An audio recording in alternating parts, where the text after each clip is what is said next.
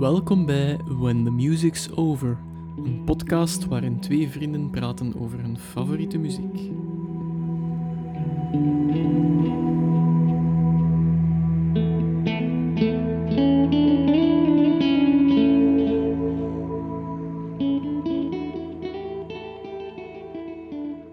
Hallo iedereen en welkom in een nieuwe aflevering van When the Music's Over.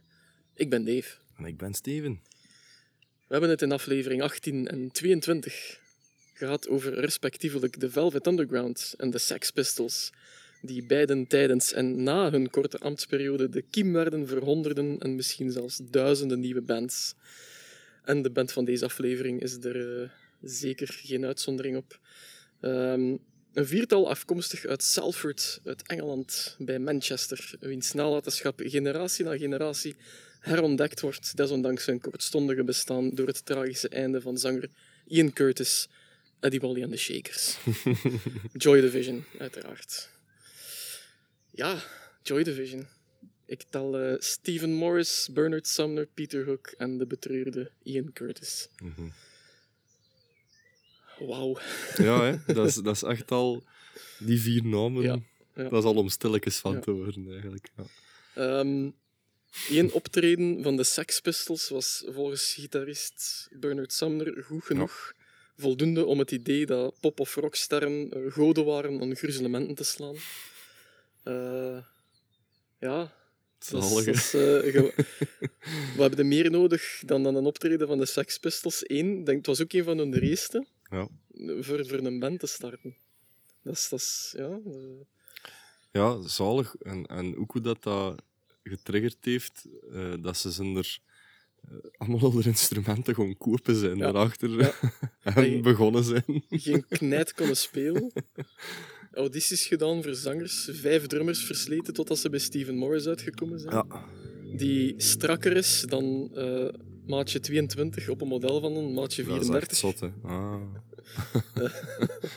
ja, dat ga ik nog eens moeten herbeluisteren om goed te snappen. Het klopt niet, maar ik heb ook Ik heb vrij weinig. uur geslopen, dus ik- We zitten hier alle twee steen dood.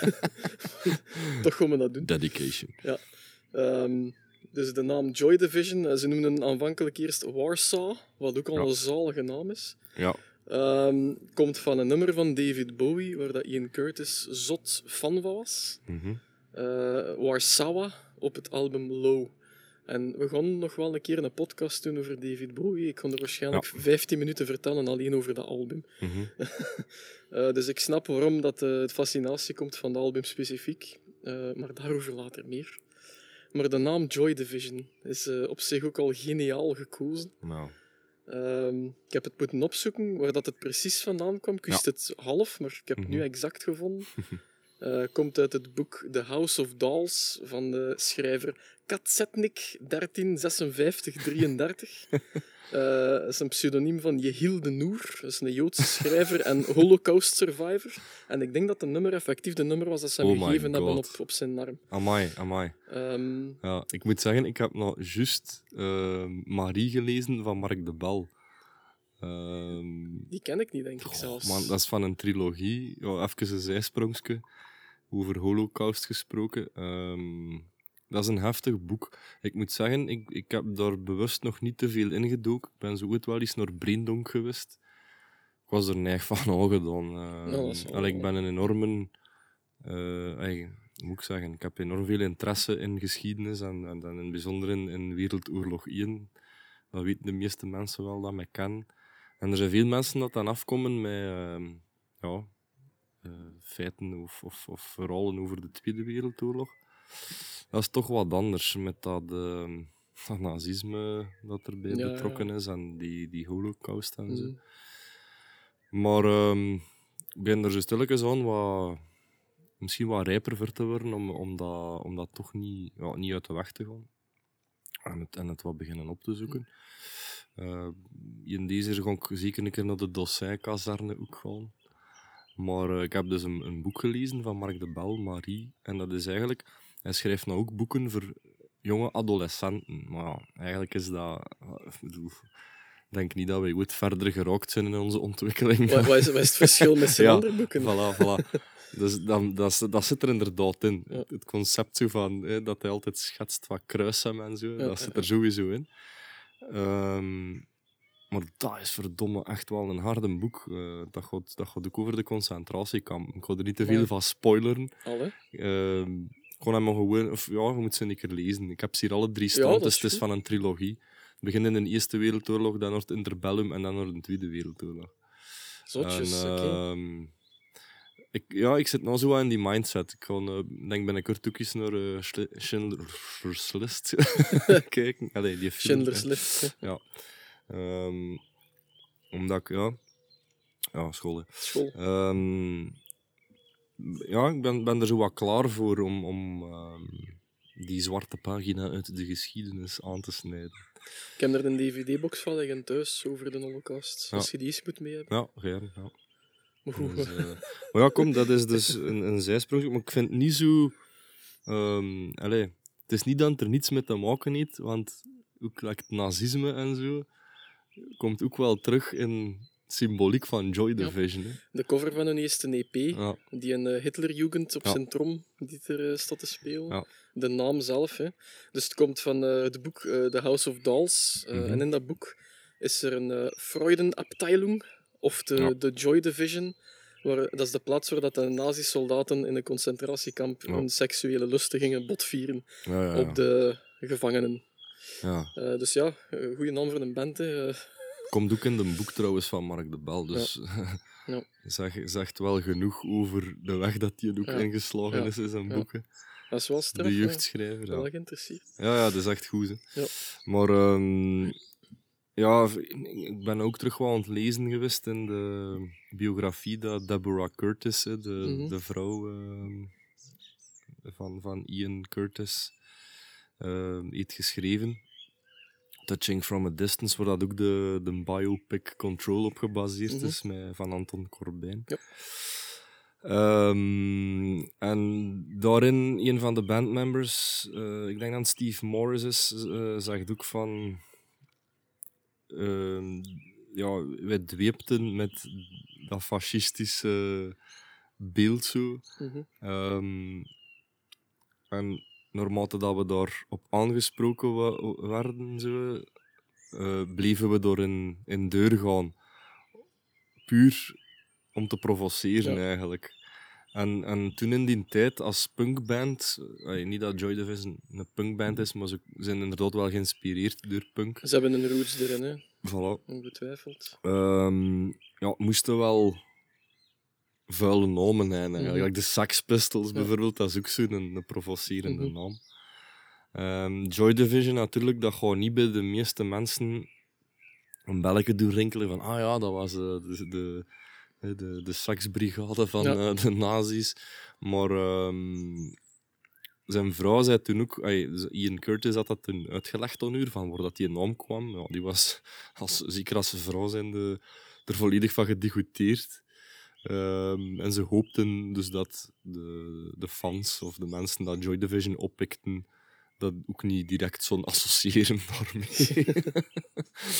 maar ik vind het, ik vind het wel... Allee, geniaal is misschien niet het juiste woord, maar het is, het is wel... Het is goed bekeken. Het is goed gevonden. Ja, ja, absoluut. Als, en ook als naam Joy Division, dat, is, dat, dat, dat. Hè. Hadden dan die nummers hoort. Als dat de Joy Division is, wat is de rest? ja, ook al die, die discrepantie. Want ik zelfs nog niet eens bekeken. Dat was toen hoe dat ik er vroeger over dacht. Dacht van ja, dat is gewoon erom gedaan waarschijnlijk. Die noemen Ja. hun eigen Joy Division. Als je die nummers dan hoort, hoort alles behalve dat. Maar goed, eh, als we het er dan toch over hebben, hoe heb je die leren kennen? Overval me wat die vraag. Ehm Blijft goed. ja, ehm na 30 afleveringen. ja, kijk. Ehm, hoe heb ik die leren kennen? Ik denk dat ik eh 15 was. Vijf jaar. En eh, via de, de compilatiealbums van Dressed in Black. Toch? Ja. Eh, mijn broer Jan, die had een Dressed in Black 1 en ik had Dressed in Black 2. En op Dressed in Black 1 staat ehm, Love Will Tear Us Apart. En die had ik toen van hem op eh, cassette. Had hij voor mij overgenomen. En op de Dressed in Black 2 ehm, daar staat op, eh, even spieken, Transmission. Transmission dan, ja. Dus eh, dat waren mijn, mijn eerste twee kennismakingen. Ik moet zeggen, dat is, dat is vrij kort achter het verhaal eh, met de, de, de, de Mattie op het college. Die Ja, ja. mij eh, de mixtape maakte Ja. van eh, de ja nieuwe. New Wave. Ja, dus dat moet ongeveer in de zomer van het derde middelbaar toch ook al geweest zijn. dat ik er bewust ja, naar op zoek was gekomen. Dat is toevallig dat die compilaties toen ja, bijna jaar na jaar uitkwamen. Ik denk dat er drie, drie van, van gemaakt zijn. Ehm, ik ga er al bij zeggen, de, de, de ondertitel van ehm, het album is Best of 80s New Wave slash Gothic. Ja. Zo, maar we zitten hier nou buiten een café verschil. Ja. Zo wat randanimatie van vliegtuigen en hondjes dat blaffen op de achtergrond. Vogeltjes. Best wel gezellig. Een echte Joy Division. Ehm, maar dus, ehm, ik, ik was eigenlijk toen actief op zoek. Ja, New Wave, oké, ja, dat had ik dan gevonden ehm, op, op het college dan. En, en ik had die mixtape. En ehm daar stond ook Gothic op. Zo. Allee, Gothic, ja, what's in a name? Hè? Bedoel, Er stond Swans of Avon stond er ook op. When Heaven Falls. Ja. of, eh, eh, maar ik, ik ging eigenlijk op zoek naar Gothic. En ja, als je Swans of Avon bijvoorbeeld hoort, die typische, ja, hoe moet je dat zeggen? Spookachtige muziek sowieso, ijl, kou gitaren. En dan zo de, de haunting voice erop, zo maar de, de bekend expressieloze zang zo ja. dat is een, een, een blauwdruk dat ik eh, terugvind in, in New Wave bands dat ik goed vind. Maar ik wist niet dat Joy Division er de blauwdruk van was. Ongeveer, ja. Ik, ik hoorde toen Love Will Tear Us Apart. En dat was voor mij zo al direct het summum dat ik erin in Ja. gevonden had van, van nummers en van uitvoering, eh, van, van kleur gewoon. Ehm, maar ik dacht dus van, ah ja, dat is gothic. En eh, op een of andere familiefeest is dat tot een heftige discussie gekomen tussen mij en Jan. Die zei, maar jongen, onnozelaar, dat is geen gothic, dat is pure new wave. en Jan gaat gelijk, het is new wave. Allee, wa- Transmission kan ik aannemen dat dat New Wave is. Mm. Dat is, dat is ik, ik vind dat meer ten eh, postpunk, een term die later gekomen is. Ja, ja, Ehm, ja, het is ook, Maar- je, we zijn men- dat weten de, de mensen dat hier nog naar luisteren ook. Eh, we, steken niet in schuifjes. Hè. nee, nee. Eh, maar ja. ah, ja, als je er dan toch iets op moet plakken, hè, dat is... Dat Maar zo- ik vind wel, Joy Division heeft echt iets nieuw gestart. Ja. In, in de, het einde van de jaren 70, dat vind ik zotse man. In 76 zijn die begonnen. Hè. En je hoort wel zo wat die evolutie. Inderdaad, dat album, ik heb het ook eens opgezet van Warsaw terug. Dat is, dat is postpunk, vind ik. Ja. Punk, postpunk. Ah, wel ja, dat is, dat is waar dat ze mee, dat is, wat, wat ze wouden doen, Ja. uiteindelijk. Hè? Die, die, dat punk-sound, maar Ja. er heeft een bepaalde producer dan een stokje voor gestoken, maar daarover later meer. Dat is ook wel interessant. Hè. Ja, zeker. Ja. Dus ja, de Dressed in Black CD's. De Dressed in Black CD's, dat, waren de, dat was de eerste kennismaking. Ja. Ja. Ah wel, je hebt er voor mij eigenlijk een blanco ingevuld, want mijn eerste aanraking met Joy Division was 100% zeker Love Will Tear Us Apart. Maar ik weet niet meer waar ik het voor het eerst heb gehoord, maar ik vermoed van u dan, of via Ah, u dan ook op die Dressed in Black CD's. Mhm. Lijkt mij aannemelijk, maar ik Mhm. weet het zelf niet precies niet meer. Dat is de eerste keer dat ik echt een blank trok van shit. Daar heb ik nog echt geen herinnering van wanneer dat, dat precies... eh, Oké. ehm, Ja, we zitten er ook zo wat. Jij zit toen, of zat toen denk ik meer ook in op punkperiode. ja, en ik ja, zat toen in die new wave eh, te boteren. Ah, wel, maar er is... Eén persoon heeft ervoor gezorgd, eh, buiten jij dan, maar, maar ik had dan toen ook een eh, vrij kortstondige, compleet op muzieksmaak geïnspireerde, gebaseerde relatie met een Nederlandse, eh, Mhm. wiens naam ik niet zal noemen. Ehm, Josje. en we hebben ons gemeenschappelijke eh, band was toen de Doors. Dus ik noemde die Pam Amai. en zij noemde mij Jim. Ah. ook volledig op de chat leren kennen toen op PRC. Hè. Amai. Zo oud ben ik.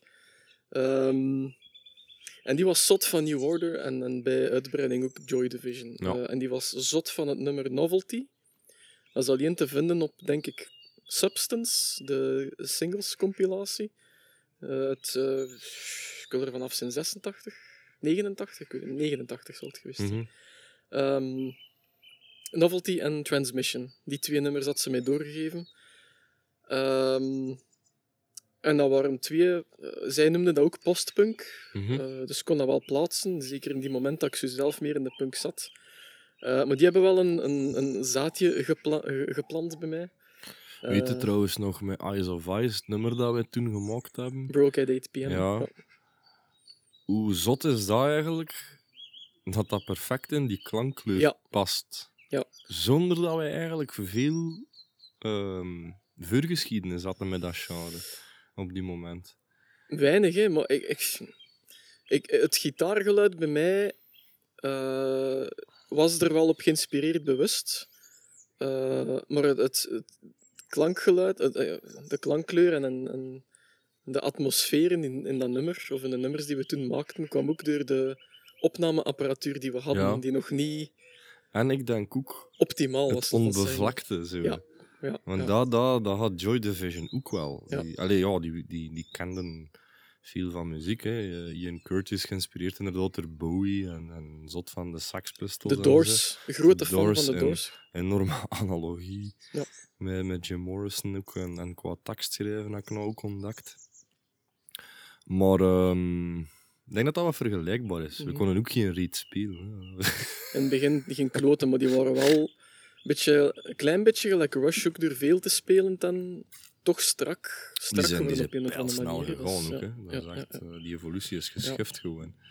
Ehm, dus ja, dat is, eh, die twee nummers. Novelty en Transmission, waren dat, dat zaadje dat geplant was voor de toekomst. Mhm. Ehm, en dat is ontsproten toen de vriendin daarna, dat ik eh, mee in de langste relatie gezeten heb, eh, Mhm. denk ik.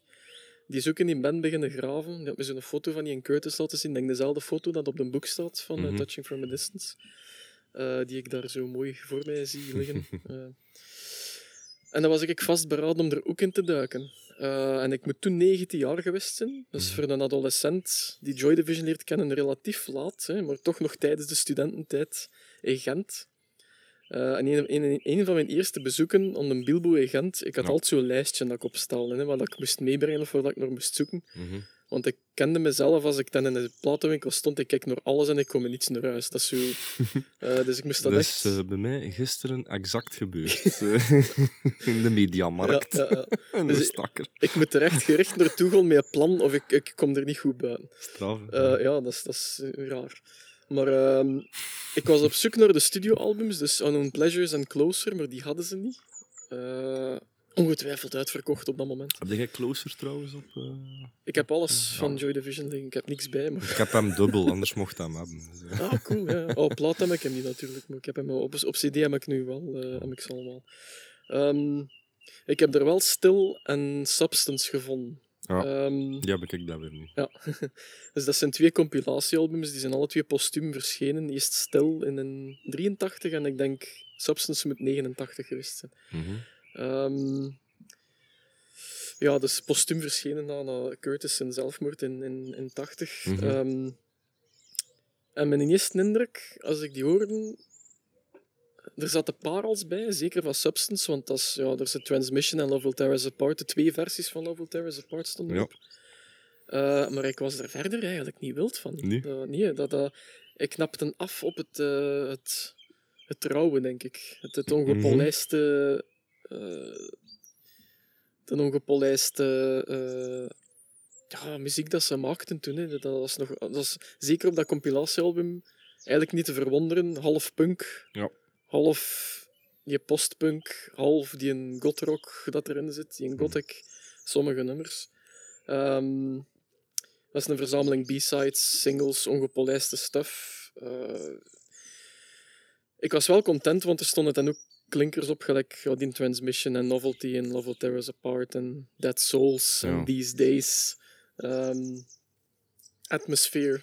Eh, wa- wa- ja, dat is, dat is waanzinnig goed. Ja. Maar ik, mijn enigste besluit dat ik eruit kan trekken is dat ik toen niet matuur genoeg was om het Ja. gros van die nummers te kunnen appreciëren.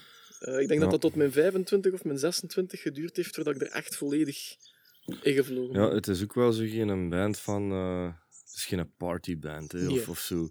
Een, een feel-good band. Of, en ik denk dat dat wel hetgeen is dat veel, veel jonge mensen toch eerder gaat aanspreken, denk ik, dan, dan Ja. zo een zware, doemerige band gewoon. Dat dat Joy Division Ja. was. Hoewel toch, allee, zat er veel aantrok hè, in de eind jaren Absoluut. 70. Door, ik denk zeker wel door, door Spears. Allee, de- ze, ze worden zelf ook maar begin de twintig. Ja. Dat is eh, een beetje de aard van het beestje van toen. Hè. Iedereen wou Ja. naar punkshows gaan en optredens Ja, ja. meemaken. En dat leefde echt, hè, dat, dat, Ja. die scène. Dat is, Ja, dat is gestoord hè, in Manchester. De scène in ja, Manchester. dat is eh, zeker na Joy Division Man, en wat man, dat er man. allemaal uitgegroeid Ja. is. Dat is ja, er is een aparte film van ook trouwens. Hè. Dat is 24 Ja. Hour Party ja, People. dat is fantastisch. Hè. Gans die, die Factory Records. eh, Daar heb ik trouwens Joy Division voor de tweede keer opgepikt. Om, Ah, ja. dat, was, dat is eigenlijk een, een stuk in die film is al een, Een stuk, biopic hè, van eh, Joy Division.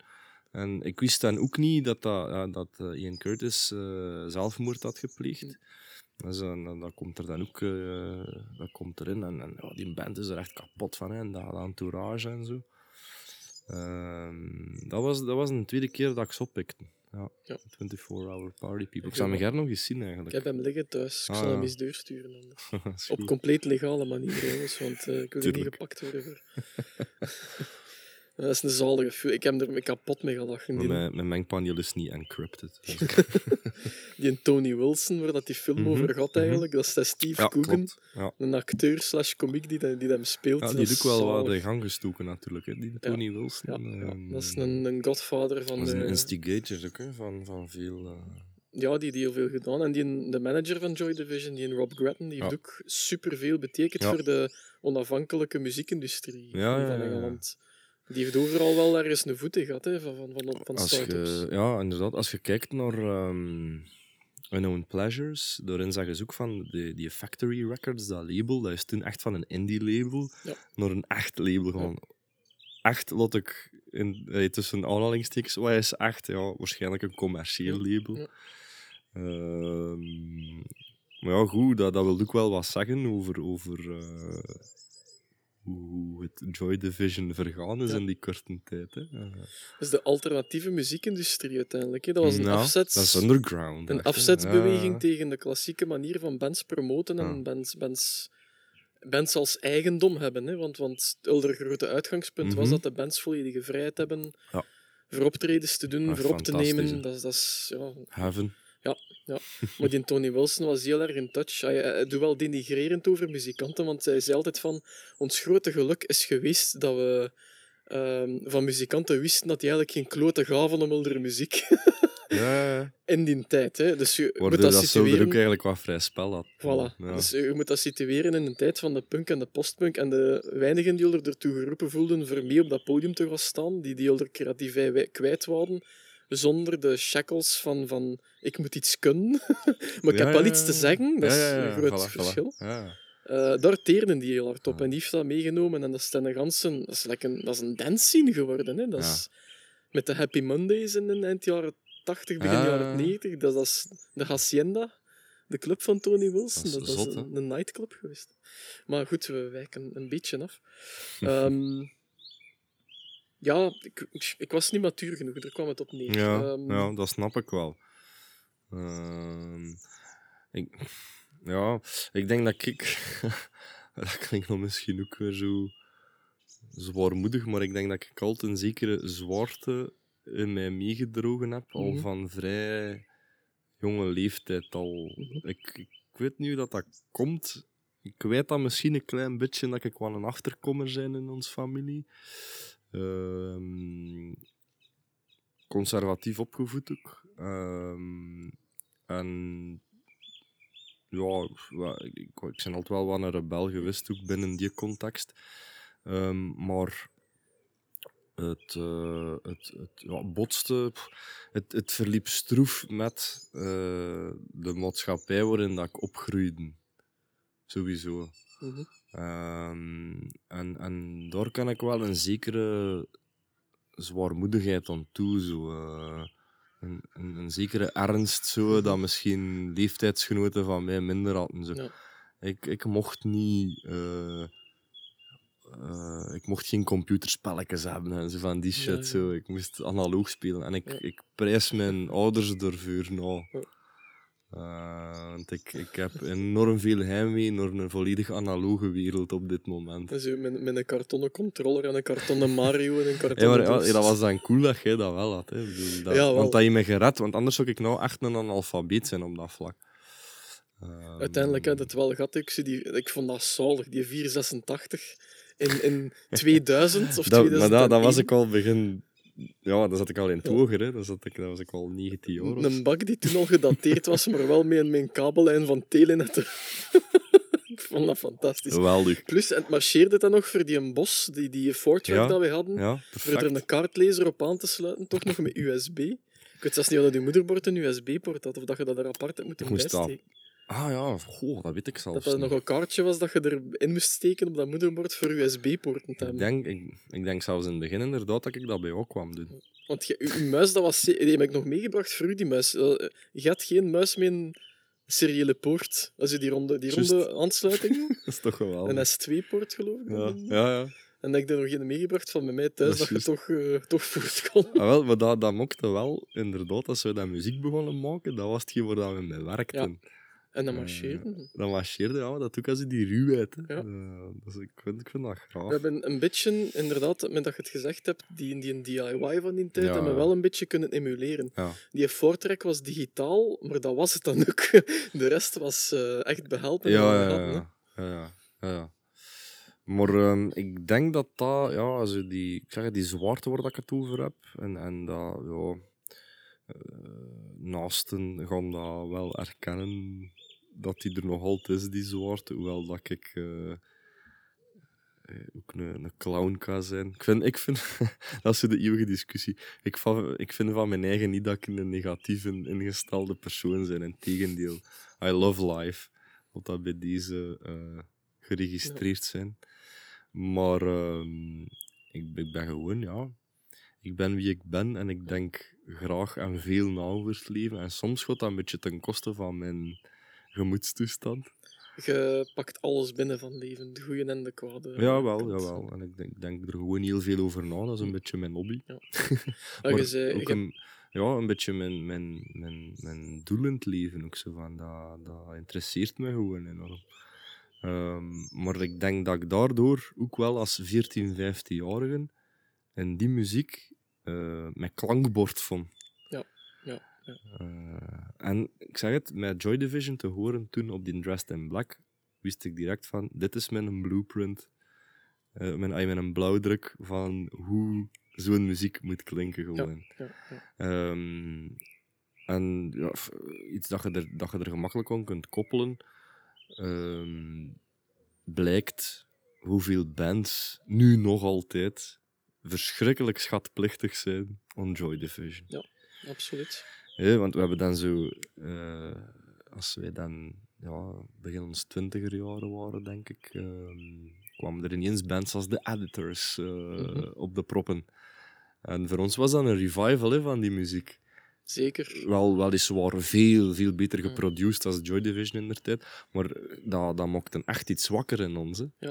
Die in eh, Munich Ja, van Editors, exact die single. Ik, ik weet nog altijd, de moment dat we dat hoorden en zagen, bij mij thuis in de living, Ja. dat maakte iets los in ons. Ja. Dat Eh, direct gewoon ons zoek ons. ja, ja. Maar er zijn er zo nog, hè. Ehm, editors is er één, maar toen kwam zo ja, een blockparty. Daar ben ik zelf niet zo'n fan van, maar ik vind dat wel leuk. Ehm, een Interpol. Interpol van Interpol. Evil. Ongelooflijk. Ja. dat, dat is bekend een wederopstanding van Joy Division. Ja. Ehm, Zelfs The Cure kwam met een album. ah, wel, de- de- daar wou ik ook naartoe. Dan eh, oudere bands, inderdaad. The Cure. Pff, U2 misschien in zekere mate, maar ik ben er niet zo'n eigen fan van. Dus ik kan, ik kan er... Ja, het is gewoon het geluid van die Edge, spijs ik. Dat, de, de, de gitaren, ja. dat weet ze. Vier noten spelen, 3000 noten horen. voilà, ja. Ehm, maar ja, dat is misschien een vergelijking, vind ik voor mezelf, dan dat dat, dat niet zo goed opgaat. Maar goed, ja. Ehm, de criticasters zullen het eh, wel uitmaken. Nee, dat was die tijd zo. en Ehm, je gaat toen op TMF, eh, toen dat er nog TMF was zonder chat. Hè. Nu heb je alleen maar chat, denk ik. En nog muziek op TMF zelfs. bestaat die MF nog? Is dat gewoon een chatbox? ja, bestaat dat nog? Ik weet dat zelfs niet. Ik, ik, ik heb geen tv. Ehm, toen op TMF hadden nog clipjes en muziek. En dat was echt inderdaad een ganse beweging uit Engeland. Eh, Mm. Ik herken me ook nog uh, Kasabian, die toen up and coming was. Ja, ergens wel. Een stukje Arctic Monkeys. Veel, veel indie bands zo, hè. Ja, ja, Ja. ja. Maar heel veel originaliteit terug. eh. Ja, Ik herinner me dat van Kasabian, die een Empire dat uitgekomen is. Ik vond dat, ik vond dat zelfs super. ehm, de Strokes op een gegeven moment vond ik Ja. zo, de, gewoon de, de manier waarop, zo, Mhm. ook terug de garageband, zo, hè, de, Ja. de garage rock. En er, er, zijn er, er zijn er nog, hè. Eh, de, de, de bands waar ik dan later graag naar luisterde, ehm, van House of Love bijvoorbeeld. Ja. De, de klankkleur van de stem, maar het is, het is gewoon... Het is Joy Division gewoon, hè. Dat is... Allee, eh, Bauhaus. Ja. Om, om er zo ook maar even Ja. een op te noemen. komen ook weer uit de punk, maar, maar dat is ook weer... Die mannen hadden een zekere zwaarmoedigheid ook, omdat die uit een koude winter kwamen. Hè. Die kwamen uit het 78, 79, er was amper werk. Had een Mm. zwaar politiek klimaat in Engeland. Een negatief politiek klimaat, overwegend, voor, voor jeugd en toch. Dat land was stilletjes naar de kloten ontgaan en die gasten wisten niet meer dat ze met hun rijden naartoe moesten. Dus Ja. er gaat heel veel volk dat iets wou zeggen Ja. op die moment. En dat uit hem ten in een Joy Division. Susie and the Banshees was de allereerste Ja. groep, denk ik, die... ik durf het nog niet luid, op, niet luid op zeggen, maar misschien een van de eerste bands die dat kunstzinnige erop gekoppeld had. En Joy Division had het alle twee zo. Hè. Die had, die had, ehm, er Ja, was een, gro- een groot kunstzinnig element in Joy Division. Zeker wel, als je clo- eh. closer ziet, dat is hier een al kunst. hè. Ehm, alleen de, de coverall is kunst. Ja. Tju, ik had dat moeten opschrijven. Ik heb dat straks nog goed toevallig welk beeld dat ja, ja, inderdaad. Een Italiaans eh beeld daar, maar ja, ik wel gaan afzetten. Maar ehm, ja, ik denk dan dat Joy Division ook meer die intervisie van het leven op zich heeft. Zo. En meer bepaalt de donkere kant. Daar Ja. hou ik wel Ja. van. Ja, ja, ja, zeker. De, weet je, dat is ook een taboe hè, in, in, in onze samenleving nu. De, de donkerte. Ja. De dood is... eh, om, om, ja, iets slechter dan de dood is er niet. Mhm, Maar het is er wel. en Je kunt dat niet ontkennen, maar het is een taboe mhm. bij heel veel mensen. Ehm, ja, en Ian Curtis, onrechtstreeks, schrijft hij daar wel over. Hè. Hij schrijft over... Hij- dat, dat zegt Deborah ook, van als ik achteraf, na zijn dood, de teksten begon te lezen, zegt ze, vond ik mijn eigen zo stom dat ik dat niet zien aankomen. En dat De- hij over zijn eigen aan het schrijven was en, en, en dat het hij ook gedaan heeft. De, de band heeft hetzelfde gezegd. Ja. Hè. Die, die, we zaten er middenin en die hadden dat zelfs niet door. Maar Ian Curtis wordt door zijn bandleden ook als een joker omschreven. Ja. Die een mega veel fun had. Ja. En dat is iets dat Deborah niet gekend heeft eigenlijk. Hè. Die werd buitengesloten door Ja. de band. Hè. Dat is eh, echt Want als, als, je, als je het leest... Allee, ik, ik ben dan al een tweede keer aan het lezen in Touching from a Distance. Ehm, ik, ik moet continu denken over geen Curtis, maar man, hoe slecht behandelde jij die vrouw nou Echt, eigenlijk? Ja, ja, Dat is, dat is op het ja. Ja, dat is degoutant gewoon. Dat is echt degoutant. En ik begin gewoon ook te denken van... Nou, die, die mankeerden echt iets gewoon. Die, die, die, allee, zij zelf schreef het ook wel een beetje. hè, van, hij had twee kanten. Hij was een beetje een, Ja. een, een schizofrene persoonlijkheid. Ehm, en dat, ja, met die epilepsie en zo. En, er, was toch iets. Het zat er al in van, van zijn 15, 16 jaar, want hij Ja. had depressie, hij was dat, dat was juist geen dat u aansprak hè, Ja. als tiener. Ja. Tragisch genoeg. Ja, want hij was, was gediagnosticeerd als zijnde depressief en hij ging ten platen pieken en een drank pieken voor, zijn eigen iets te laten voelen waarschijnlijk. Hij, heeft toen is. zijn overdosis al ge- gedaan, dacht ik. Hè. Dat weet ik niet. Nou, ik geloof het wel, als tiener zelfs. Ja, het kan. Want Steve eh, Morris, die zat een jaar lager of zo, dacht ik, op dezelfde school toen. En eh, die heeft bekend in dezelfde, hetzelfde jaar ook een overdosis gepakt. Ik dacht, nee, hoestsiroop of zo. ja. Totaal ze zwak. Totaal niet grappig eigenlijk. Maar ehm, nee, nee, inderdaad. Dus dat, ja, dat, Oh. ja. Maar ja, is dat... Ik weet dat niet, maar als, als tiener is dat, is dat dan een, een terechte poging? Is dat allee, een, een, een echte poging? Is dat een cry for attention? Ik weet het niet. Maar eh, alleszins bij, bij Ian moet dat toch... mm, het- hij heeft het ook voorspeld, hè, dat hij op jonge leeftijd uit het leven wou Ja. stappen. Klopt. Ehm, en dat heeft eigenlijk wel gedaan wat hij hoopte, denk ik, dat het zou doen. Namelijk, hij is instant een mythe geworden. Gewoon, hè. Jammer genoeg is... Allee, ja. Ja, een van zijn helden was Jim Morrison Ja. uiteindelijk ook. Hè. De, er luisterde naar toen net hij 15, 16 jaar was. Eh, Maar, maar, maar, grote nuance volgens mij, dat is, dat is voor de volgende podcast. Ehm, Jim was een, een, ook een liefhebber van het leven. Ja. Ji- Jimmy gewoon pech had. Ja. Op, op, eh, op een fout eh, moment eh, foute drugs gepakt. Die wou niet doen. Die heeft 27 jaar, eh, die heeft eh, 50 jaar leven in Ja. 27 jaar. Maar die, die wou niet doen. Daar ben ik echt van overtuigd. Nee, akkoord, ik, eh, dat denk ik ook. Ja. Maar dat is voor... Daar gaan we nog uitvoerig over uitweiden. Hopelijk met een gast. Hè. Mhm. Ehm, Eigenlijk blijven wij podcasten tot als we die gast tot als we die gast kunnen Minstens. Ja. Maar daarover ooit later meer. Zeker. Ja, Ehm, ja, hij was belezen ook. Eh, Ja. Zijn werk refereert naar eh, J.G. Ballard, eh, William S. Burroughs. grote namen. Hè. Ja. Nietzsche. Dus geen evidente naam toch, denk ik, voor, voor, voor een tiener. Eh, een jonge vent gelijk hem. Ehm, maar als tekstschrijver zijnde hoort hij wel thuis in dat rijke, vind ik, als je zijn werk begint te analyseren. Wat ik straf vind, bijvoorbeeld The Day of the Lords Mhm. op ehm, Unknown Pleasures. Ik meen mij te herinneren dat Jim Morrison ook over Lords schrijft. En ze hebben volgens mij alle twee dezelfde invalshoek, namelijk Friedrich Nietzsche. The Lords and the New Creatures. Ja. Of, ja. Vind ik neig. Ja. En ik durf eigenlijk te zeggen dat het werk van Ian Curtis zo goed is als dat van Jim Morrison. Als Ja. je de, de teksten leest. Zeker, het is van hetzelfde kaliber. Man, man. Het is van hetzelfde kaliber. Waar dat Jim misschien dat, meer... dat is ook weer iets, ik, ben, ik ben niet iemand naar de teksten luistert, maar hier kun je ook weer niet rond. Hè. Als je dat begint te lezen, dat is, dat is ook zoiets, je leest dat en je weet niet direct wat je gelezen hebt. Zo. Ja, Dat is, ja. dat is, dat is een, er zitten lagen in, man, en een geladenheid. Eh, Ian Curtis is misschien iets directer dan Jim. Jim was vooral de beeldspraak en dan het klassieke, de klassieke Ja. poëet die de klassieke Inderdaad. symboliek probeert te Jim, gebruiken. Jim is iets, iets flamboyanter in Ja. zijn eh, taalkeuze, ja. Dat klopt. We need great golden combinations. Fantastisch ook. Ehm, Die, die, die gaat iets meer nog naar het, het romantisme, Jim. Hoewel, Ian Curtis ook. eh dat, dat is, eigenlijk is dat ook wel... Ja, ik, ik zie dat er wel een beetje in. De, de getormenteerde... poëet, ja. Ja. Het, is, het is een Ja. Keats of, of een, Ja. een ehm, hoe noem je die man, een Byron en Baudelaire. exact, en een, exact dat. Ja. Al dat, hè. Ja. Dat, is, ja, dat, dat is zeker. Dat is een moderne versie van, van dat soort gast. Ja.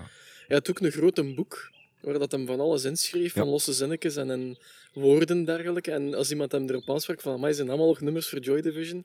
En dan zei hij van, nee, nee, maar ik pak er hier en daar wat zinnetjes uit wanneer when the tune's right. Ja.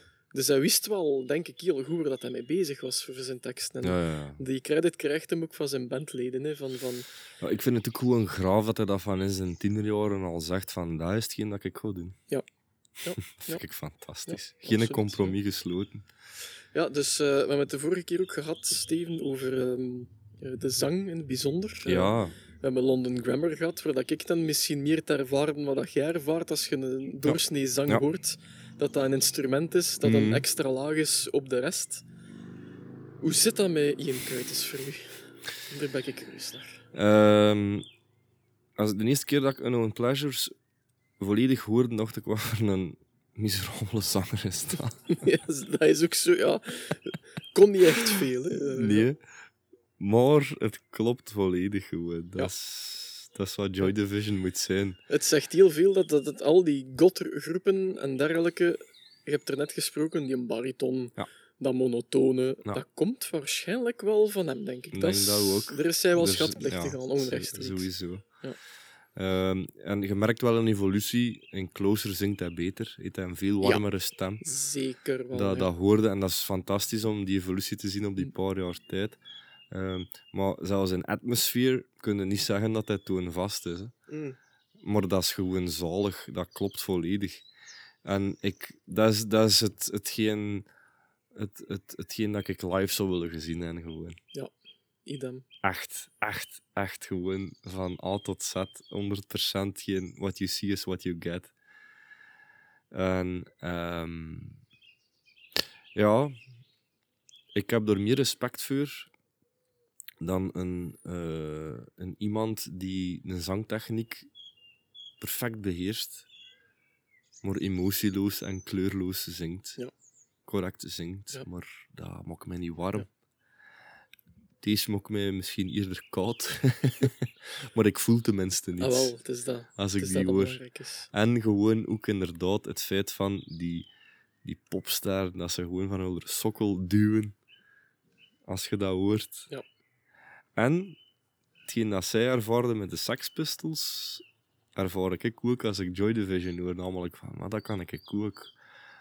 En, en, en, Dat hebben we bewezen dat we dat konden, ja. en dat is, dat is ook weer een manier van, ja, weet je, als je iets te zeggen hebt. En, en, en eh, ja, dat is uiteindelijk wat, wat kunst is. Hè. Muziek is kunst, voor alle duidelijkheid. Absoluut, ja. Ehm, ja, een, een expressie hè, van, van eh, ook weer die intervisie van dingen dat je meemokt in het leven en je wilt dat uiten. Een expression of sound, gelijk dat Robert Smith Ja. een nummer had gezegd. Ah wel, en dat blijkt te kunnen in muziek. Ja. Ook al zit je niet geschoold, ook al kun je geen nootmuziek lezen, ook al heb je zelfs geen voorkennis, zodat je misschien iets moet opnemen of zo, maar je kunt dat. Iedereen kan dat. Ja. En dat is wat Joy Division heeft eh, bewezen voor mij, of, of duidelijk heeft gemaakt. Zeker met Unknown Pleasures. Als ik closer hoor, dan, dan hoor ik echt dat, is, dat is, dat is, oh, daar kan ik eigenlijk bekend niet bij. Ik heb dat van de week nog eens eh, volledig doorluisterd. En ja, dat is, dat is iets veel dieper. Ik denk dat ik er zelfs nog niet echt achter ben. Wa- Wat ze ermee wilden bereiken, of wat Ian Curtis ermee wilde zeggen, maar dat is... Eigenlijk is dat zo schoon, de muziek. Door, door, door merk ik wel, die, die composities, die, die, gaan, die zijn veel... Nou, misschien toch iets doordachter aangepakt. Ehm, de zang is, is goed daar, dus dat is niet meer zo dat, dat... Het is minder hoekig, vind ik. Mhm. Als ik er een... eh, Ah, wel, ik denk mijn verklaring ervoor is dat ze wouden graag de Sex Pistols zijn. Hè. Peter Hook zegt dat tot, tot een oneindige toe van ik wou klinken gelijk de Sex Pistols. Ik Ja. wou de Sex Pistols zijn. Ja. Ehm, ik wou dat ruwe, die, die energie, die, die, die, ja. dat, dat uitbundige van die punken in mijn nummers. Maar eh, ze hebben dat geprobeerd met die EP, Ja, die een, eh, eh, een Ideal for Living, juist. noemt hij? Ja, van uit 78. 78, ja. Ja. Ehm, en daar hadden ze wel degelijk al nummers die ze dan later opgenomen hebben en die, die kwalitatief waren. Ook minder kwalitatieve nummers. en daar hadden ze echt nog vast aan dat punk Ja. gegeven. Maar met als ze dan bij Factory terechtgekomen zijn, hebben ze een producer gekregen. Ja, eh, Martin Hannett. inderdaad. Ehm, Ja, want daar waren ze eigenlijk zelf niet zo tevreden van, hè, van Nee. hetgeen dat die deed met hun sound. absoluut niet, maar dat is een ik, dictator. ik, ik val voor die man op mijn knieën, hè, Ja. dat hij die sound op een plaat heeft gekregen. Hè. Dat, voor mij is dat, dat is echt een god, hè. die dat ge- geschapen. Die is één op één verantwoordelijk voor het geluid dat Joy Division zichzelf heeft Ja. toegeëigend. En daar wou ik naartoe gaan. Maar- Hoewel ze live zo niet klonken. hè. Nee. Want hetgeen dat Martin Hannett bewust gedaan heeft, is eh, het punkgeluid en de energie dat ze live hadden gestript. En die heeft gezien dat die nummers heel ruimtelijk waren, heel veel space hadden. En die heeft hij opgevuld met zijn eigen zever. Daar kwam het op neer. Ja, maar ik vind dat wel geniaal, want Ja. probeer keer punk te strippen. Ja. Punk is al een gestripte vorm van muziek op zich. Hè. Ik, maar die mens, dat is, dat is een genie. Ik heb de- Ja. hetgeen dat die. De, de, de verhalen dat je ervan leest, dat, dat like Steven Morris, de drummer, die moest op een bepaald punt een nummer opnieuw komen inspelen, Maar die had zo het idee dat die... Oh, Martin Hennett had het idee dat eh, elk, in, elk onderdeel van een drum, elk element Ja, apart, moest ingespeeld moest worden. maar dat is een genio. En ten, ik denk, ik denk dat, dat, dat met Love Will Tear Us Apart was, de, de snare moest hem overdubben. Dus die Oké. stond er dubbel op. Ja, ja, ja. oké. Dat doet het niet, hè? Dat, is, dat is dat- gestoord. Dat is dat gestoord. doet het toch niet? Dat is echt gestoord. Dat, ik, ik stel me er dus echt voor dat die inderdaad elke component van, van een drum, basdrum, toms, symbolen, ja, ineens uit elkaar heeft getrokken. En daar zijn ding ook nog iets mee gedaan. Die heeft. man die had een, een, Sonisch, een sonische visie, dat is niet normaal. Eh, eh, Het eten van een zak chips heeft hij opgenomen. Die heeft het eh, breken van glas opgenomen. Dat staat allemaal op die platen. Wind die in de micro blaast.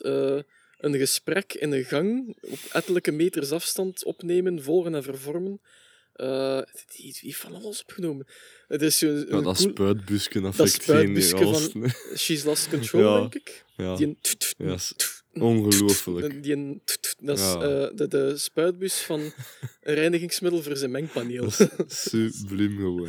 dat die Steven Morris dan ook moeten ge- inspelen heeft. Ik vind eigenlijk, Hij ik vind, dat ik vind op die manier maakt hij toch van produceren al een kunstvorm op zich. Ja, gewoon. Dat, die heeft dat echt tot Dat een is toch kunstvorm echt niet te doen. Dat is niet normaal, die, Die, vent. die haalt er een beetje het, eh, het, het technische uit. Hè? Ja. Maar Dat is een redelijk jonge vent ook, maar die had toen al...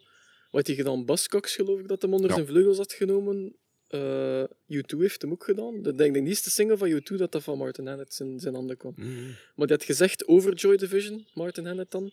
eh, they were a gift to a producer because they didn't have a clue. And they didn't argue. Ja, het- ze hebben wel proberen Ulder stem laten gelden, maar hetgeen dat die, die zei gewoon van fuck off, get out of my studio. inderdaad. En die had die nummers voor hem alleen. Hè. Dus die dacht, die dacht letterlijk die sound Ja, geboetseerd uit nul. ja. Die heeft punknummers gepakt, die heeft die gehoord, Ik denk... Die, dat live-element eruit gehaald, ja. tempo naar beneden gehaald en dan de rest zelf gedaan. Van, van een volledige, met die natte reverb, zo, dat dat geluid gemaakt. Hetgeen dat we met die Broke at 8 pm ook probeerden erin te steken, denk ik. Dat is, dat is Het, het is iets... ehm, ik ben al bezig met een akoestisch project. ehm, en ik hou zo hard van reverb. En dat komt daardoor. en... Ja. Ik snap dat. Ehm, de, eh, de Erik van Biezen, die mij een beetje voor dat project onder zijn vleugels heeft genomen, die mij gezegd: verlaat dat. Echt. Hij zegt: dat is zo belegen.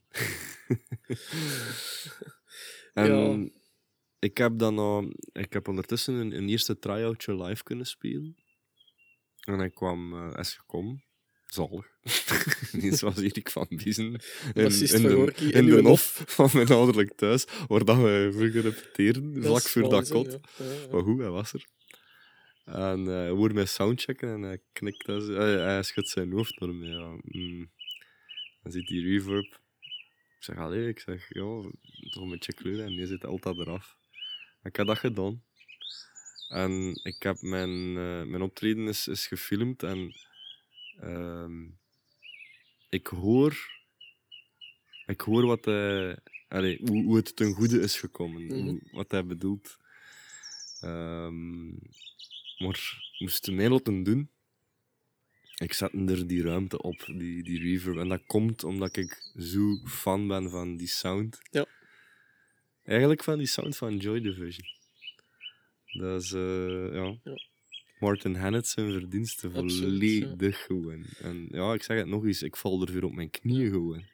Ah, wel, ik heb gisteren nu toevallig een boek besteld. Zie je dat eh, ik er op mijn knieën... Elke dag Martin Hannett. Op, op, een, op een dienst COVID of zo. Martin.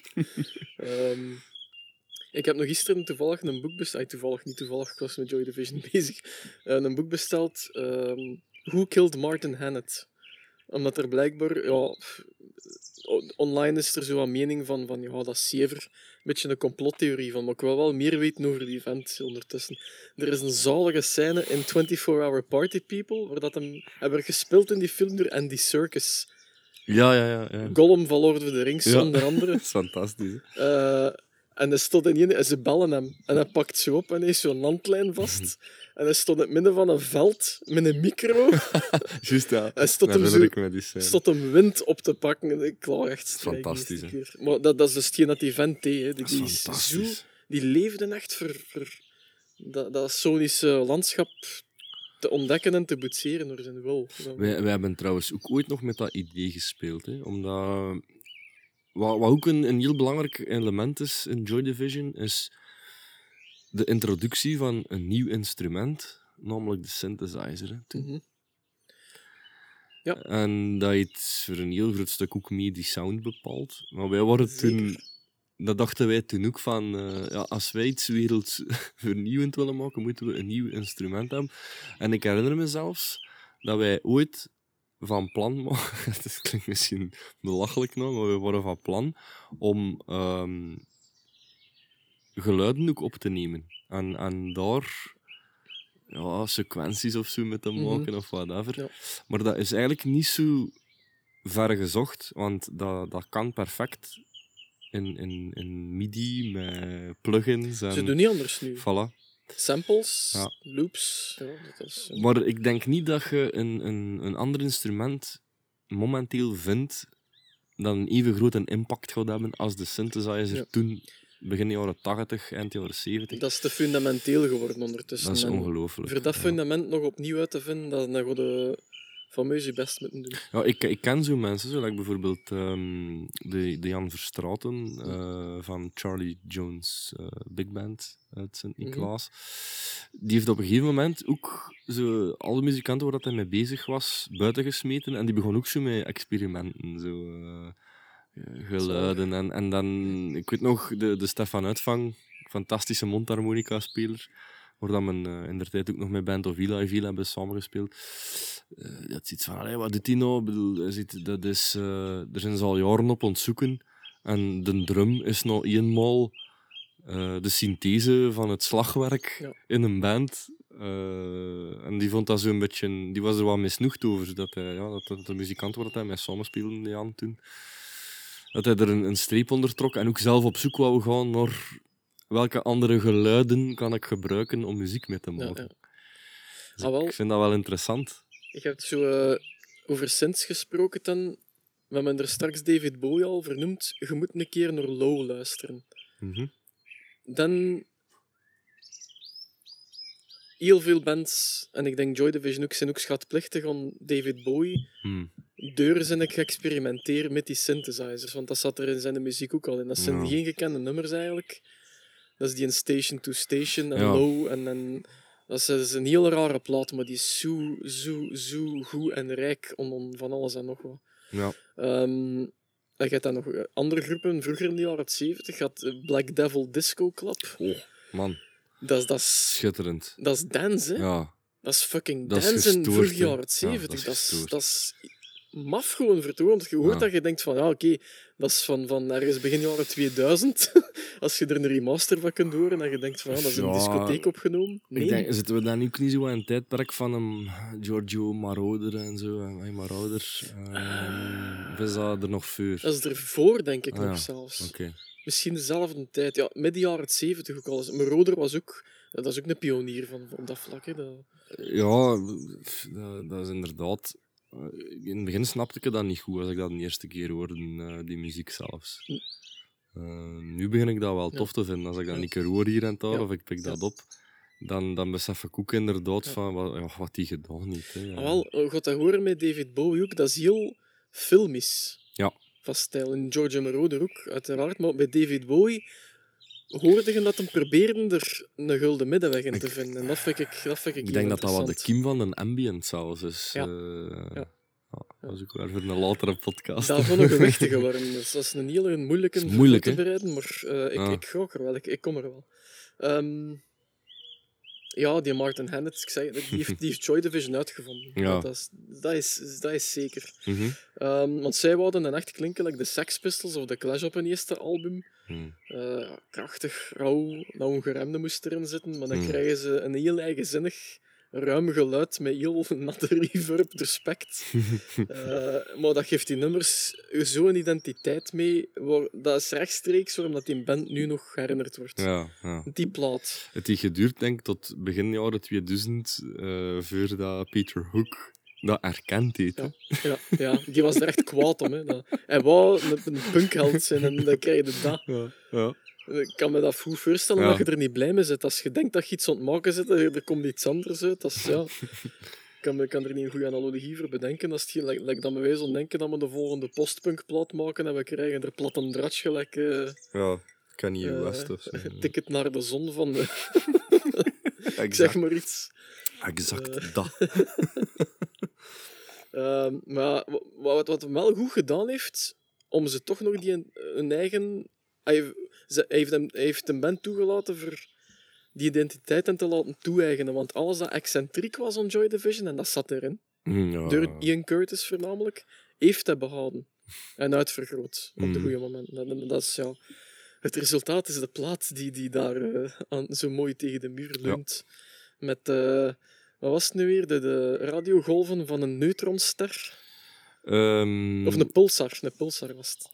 Eh, dat, is, dat eigenlijk dat is een wiskundige functie, hè, maar je gaat dat bijvoorbeeld ook in, ehm, Het is een dataplot hè, van, van in, in- in geluid. ehm goh, dat een eh, Fourier-analyse noemt die wiskundige functie eigenlijk. Ehm, maar dat is, dat is heel interessant, omdat goh, dat, dat zit iets te versen. Eh, maar ik heb dat in de tijd in het middelbaar ook nog, die, die wiskundige functies eh, gehad. En pff, sowieso als je zo een, een, functie uitschrijft, eh zit je al snel met cosinussen en sinussen bezig. Ehm, en normaal ben ik er niet zo'n techneut in. Maar inderdaad, die, die, witte, die witte afbeelding op Unknown Pleasures refereert dus daarnaar. Ehm, en het interessante is dat je ehm, de, een muzikale toon ehm, bestaat uit een, een grondtoon en boventonen. En de, de boventonen zijn een veelvoud van de frequentie van die grondtoon. Maar het zijn de boventonen die de klankkleur bepalen. En dat is heel zot, want ik denk in, in kleur, sowieso. Ik denk niet in cosinussen, maar het is wel de muzikale verklaring ervan. En dat ik vind dat geweldig dat dat de, de cover is van Ja. Unknown Pleasures gewoon. Eh, ik vind dat, ja, er, er is, denk ik, goed over nagedacht. Ah, wel, ik heb het opgezocht en eigenlijk niet. Nee? Nee. Dat is fantastisch Dus, eigenlijk. ai- Dat. De Bernard Sumner werkte... eh, ik weet niet, ik wist zelfs niet waar dat hij werkte. Het was ergens saai, alleszins, want hij, hij, hij ging er soms... hij ging er soms vandoor op zijn werk. Ja. Eh, en dan ging hij naar de bibliotheek. In, eh, ik denk dat het in Londen was dat hij werkte. Ehm, en daar ging hij op zoek naar inspiratie voor covers voor een album. Ah, ja. Omdat ze toen bezig waren met het, het, het voorbereiden en het opnemen. En in een of ander een boek over astronomie had hem die een, ehm, die een dataplot gevonden dat op de cover staat van Unknown, Unknown Pleasures. Het is de, de, de radiofrequentie van de pulsar. Dus ja. het is wel degelijk geluid. Ja. Eh, het geluid dat die ster... Dus de, een pulsar is een neutronster of, of een witte dwerg, geloof ik. Mhm. Ehm, en dat is het geluid dat dat voortbrengt. Maar hij vond dat zo'n...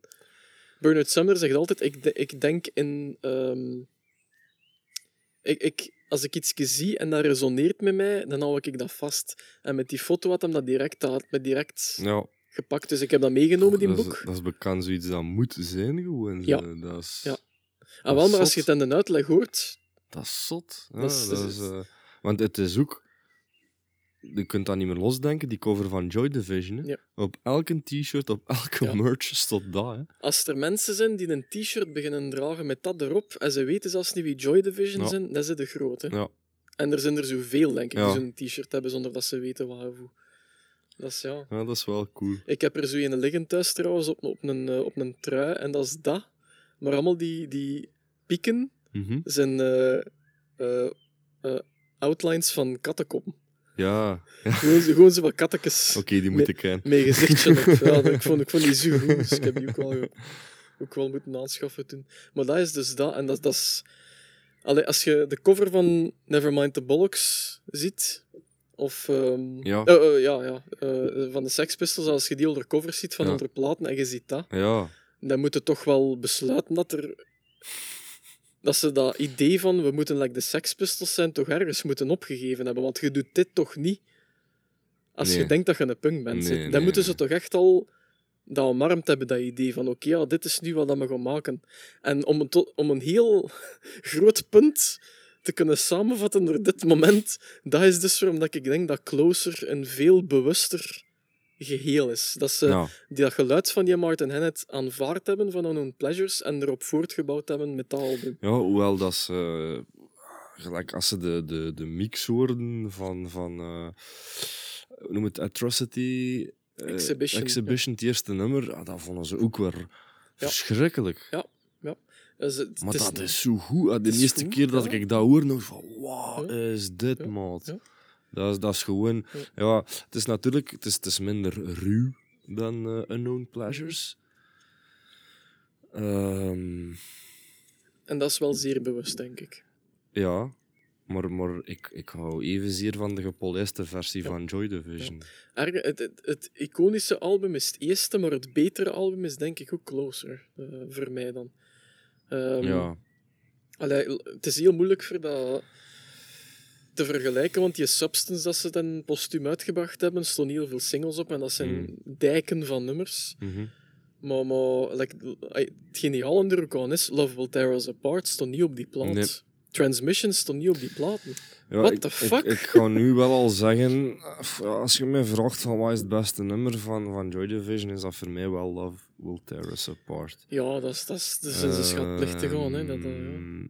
Omdat ook, er is zo een uitspraak, ik weet niet van wie zijn, maar eh, ja, ergens in een recensie van ja, Joy Division is ehm, de, de, de missing gap tussen Elvis Presley en Siouxsie en de Banshees. Ik vind dat een verschrikkelijke uitspraak. Ik Maar ik snap het wel beter met Love. Will Tear Us Apart, want Love Will Tear Us Apart is rock and roll. Dat is voor mij Ja. echt rock and roll. Maar goh, dat is schoon dat nummer, dat is echt. En tra tragisch. Ja, maar- dat is maar- bio- maar- autobiografisch. maar net daarom is het prachtig. Ja, ja, ja. Ehm, Hoe meer dat je ervan weet, hoe schoner dan het stond dan nog op zijn, eh, op zijn, zijn, zijn graf. zerk, ja. ja. Ehm, Rolling Stone, Pitchfork en NME hebben het uitgeroepen tot beste single ooit. Ik vind dat, ja. Ik, ja, misschien wel. misschien Ik, wel. ik, ik denk het wel. Ja. Ik denk het ook. Ik, ik- Ja. Er is minder iconisch dan dat. Ja. Ik weet nog heel goed dat, dat ik dat zo zalig vond, dat dat in die film Donnie Darko, dat dat erin kwam. Ja. Dat is het moment dat hij ging aanbellen bij zijn, Ja. bij zijn vriendinnetje thuis, waar dan een feest keihard. aan de gang was. En op dat feest draaien ze net die plaat. En, en, Altijd als ik het hoor, het volume gaat omhoog. ja. Sowieso. Ja. Ah, wel, ik heb nu al veel gezaagd, ver- vermeld. Ja, dat is ja, dat, gezaagd, dat is zagen. Over eh, dat ik sommige nummers, bekende nummers, beu gehoord ben. Hè, dat- omdat ze dat te veel gedraaid hebben. Mhm. Ehm, ik kan nu moeilijk aan een voorbeeld denken, maar er zijn momenten geweest in de podcast dat ik het zeker eh, zo gezegd heb. Maar die Love Tear Us Apart geraak ik nooit en gol ik nooit beu geraken. Nee, Dat is een uitzondering op de regel. Dat, dat overstijgt muziek op een bepaald niveau voor mij. Dat, mooi. Dat is zo. Ja. Dat, dat gaat dieper dan dat. Ja. Ja. Ja. Dat zijn van die teksten en er leest een zin van en je denkt, dat moet ik als een tattoo hebben. Dat, dat Ja. draagt zoveel gewicht mee mee. En dan, Ik denk Ja. wat, wat mij zelfs. Nou, nou, misschien niet zo concreet niet meer wat wij denk ik gepakt heeft als 15-jarige, is ehm, ja, de klankkleur, toch ook weer. de boventoon. Ja. Het veelvoud van de, de, de Ja. grondfrequenties. Namelijk de synths. Ja. Want de synths, ja, oké, het is, het is een, een, een leidende eh, een, een lied, hè. Dat, is, dat, is een, dat is een melodie, maar eigenlijk tegelijkertijd ook weer niet. Tegelijkertijd is dat ook weer de vulling tussen, Mhm. dat is een beetje de, de glue van dat nummer. Zo. Het is een atypisch nummer voor hen, omdat het een extra instrument Ja. heeft, zijn die synths. En dat is... Ik denk dat Bernard toen gezegd heeft van Ian, jij moet een gitaar leren spelen. Ja.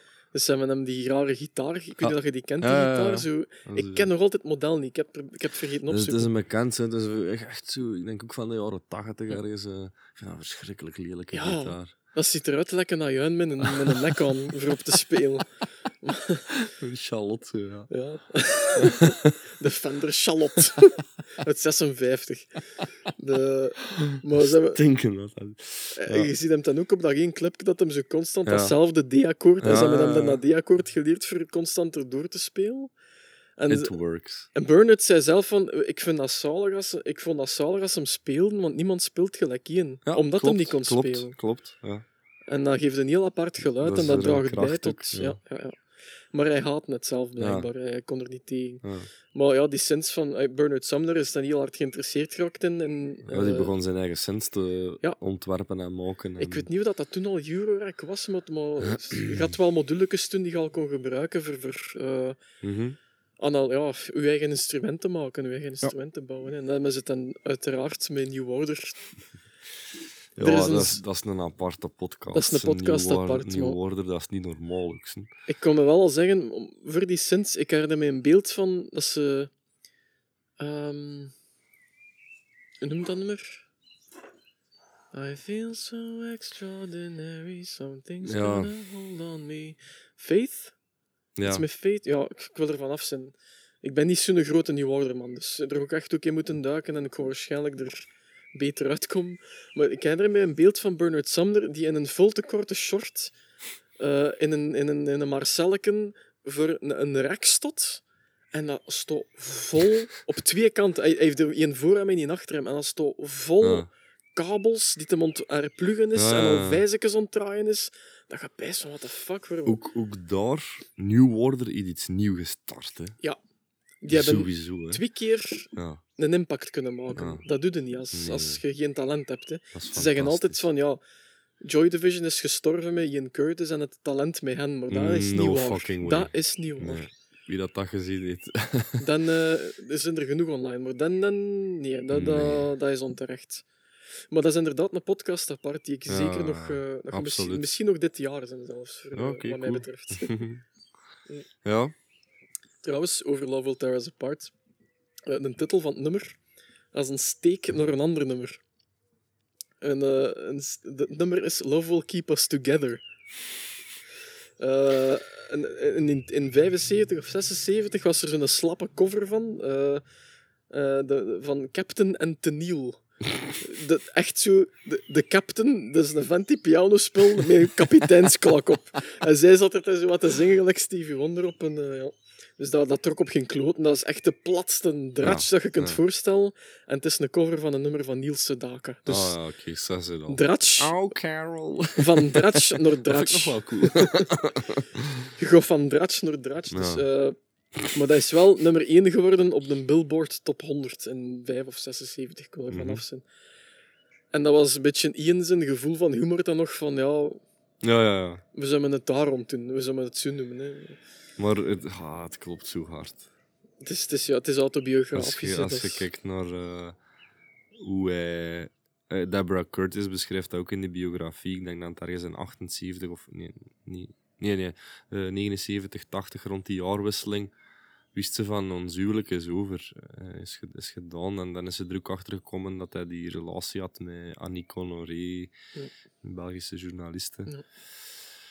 En ehm, ja, ik zit nu in een boek te lezen in het hoofdstuk dat ze er dus achter gekomen is.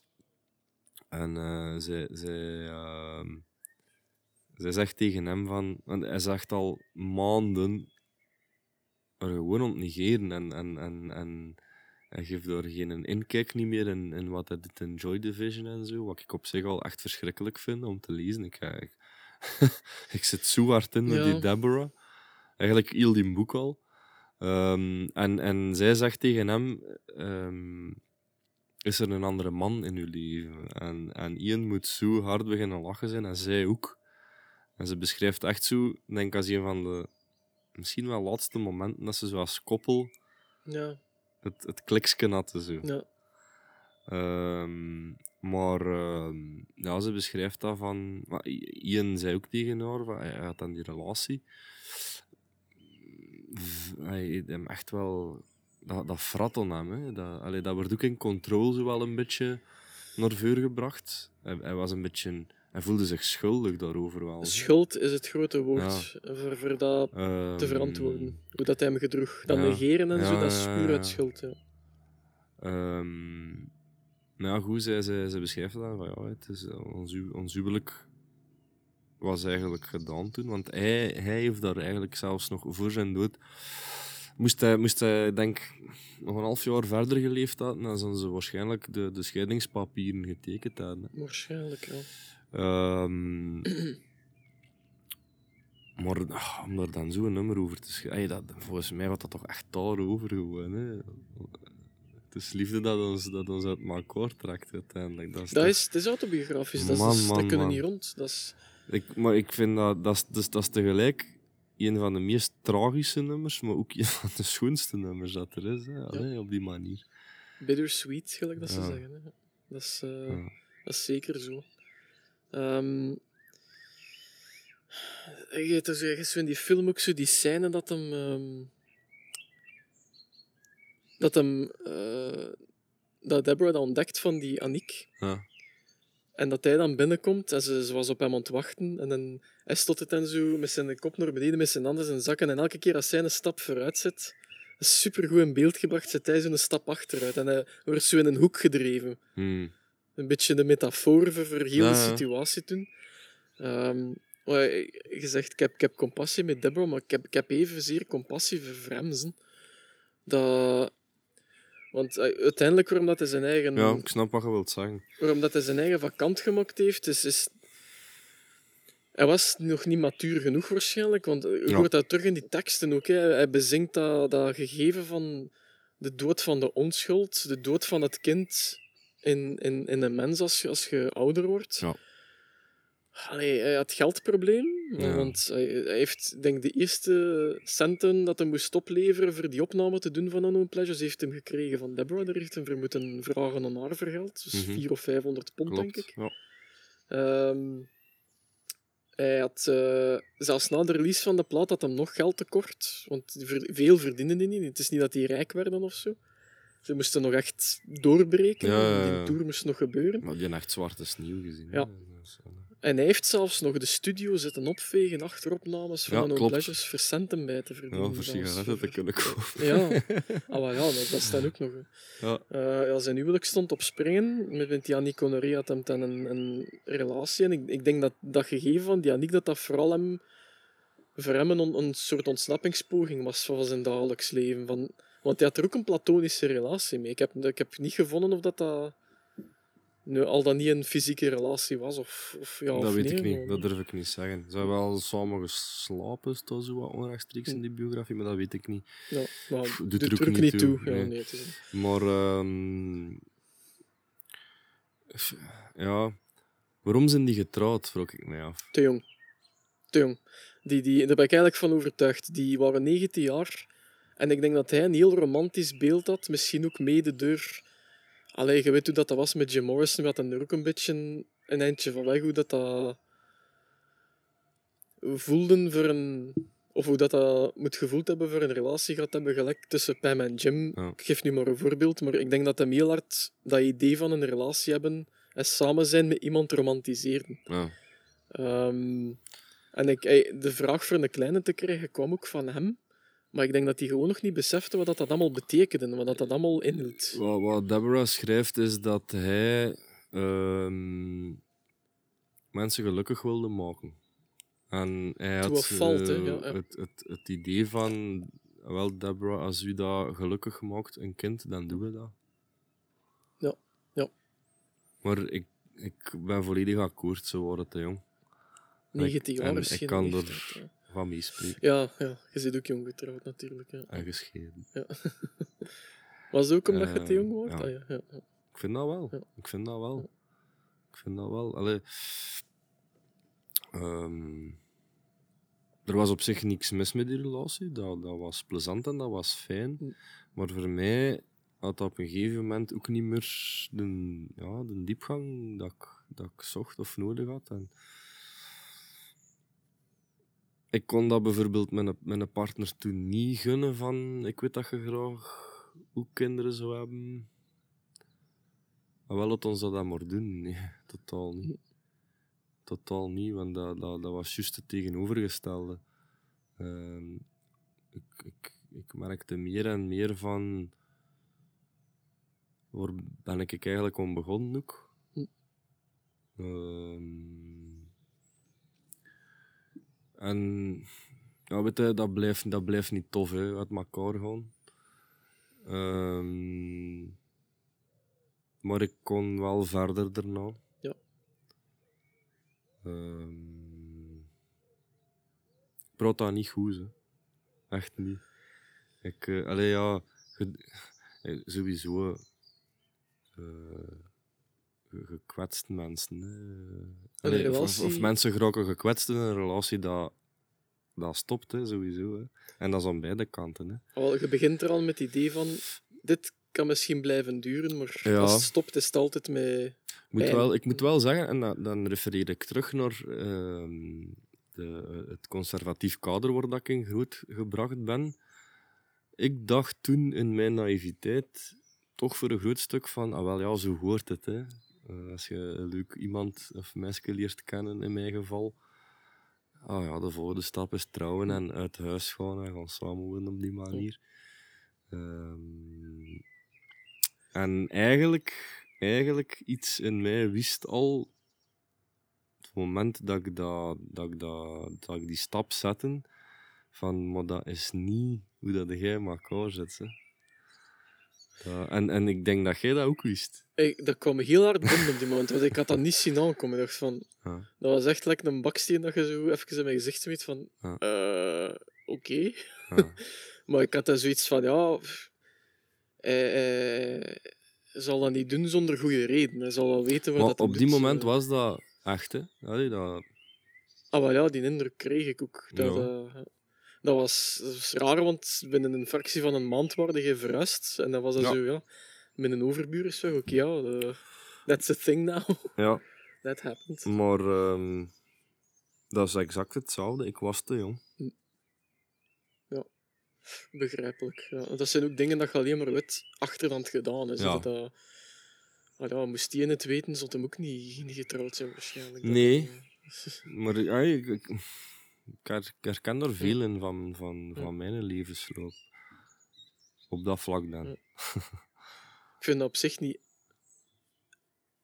slecht dat mensen dat nog durven of dat jonge mensen dat nog durven doen, want dat, dat toont ook wel ergens van een zekere vastberadenheid. Maar ja, je zit nog altijd met de realiteit dat, dat, dat er wel dingen kunnen veranderen. Met dat Ik, je nog ik moet zeggen, ik ben nu ja, bewust niet getrouwd in de relatie dat ik Mhm. heb. En persoonlijk voel ik me veel gebondener aan mijn partner dan aan mijn vorige partner met wie dat ik op papier getrouwd was. Ik heb dat ook. Ik ben, ik ben wettelijk samenwonend nu met mijn vriendin, maar we hebben wel twee kinderen. Maar Ja.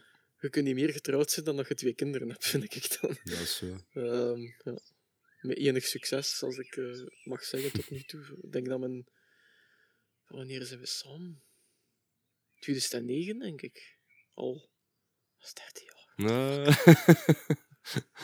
Oké, heb je een plastieke zak of zo? eh, Nee. Maar ja, het- om dan even terug te komen op, op Iens eh, zelfmoord. Ja. Hij had die geldprobleem, zijn huwelijk was aan het falen. Mhm. Hij had die epilepsie. Ehm, ze wisten niet welke soort epilepsie dat Nee, ze hebben het eigenlijk niet gevonden. Nee.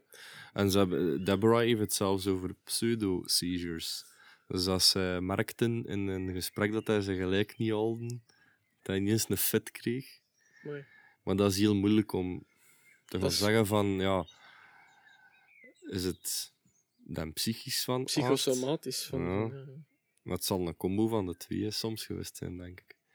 Eh, Ik heb toch het gevoel, door de letters, door als ik de, de biografie lees, dat er psychisch toch iets moet geweest zijn met Ian. Moet wel, hè. Ja. Ik Want kan, hij- ik kan er ook, ik, ik, ik ken er ook onvoldoende van. eh, Ja, wel, ik kon er van, ook zo van, niet echt... van, die, van die pathologie. Maar ik, gewoon mijn, om mijn theewater voel ik zo van, er is iets.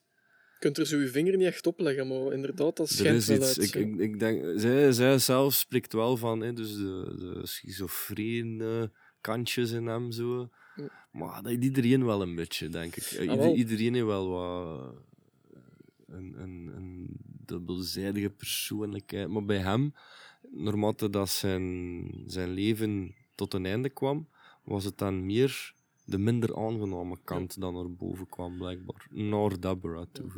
Wat de bandleden vermoeden, eh, en wat ik zelf ook, dat lijkt Mhm. mij logisch, is dat die medicatie van die Dat epilepsie, klopt, ja.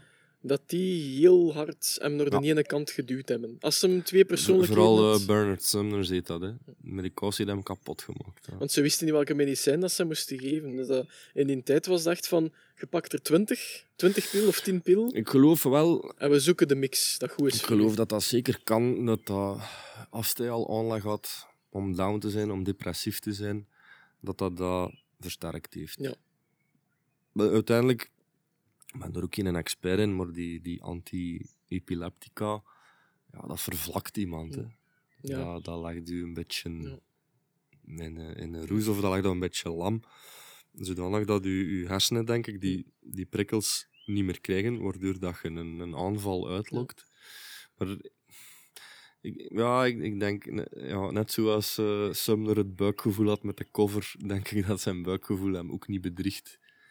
Eh, met, met die, oorzaak, waarom dat het bergaf is gegaan met Ian. Een van die pillen dat hij moest pakken was ook eh, pil. Dat is ook zo'n woord, hè, pil. Eh, een van de pillen die hij moest nemen was. eh,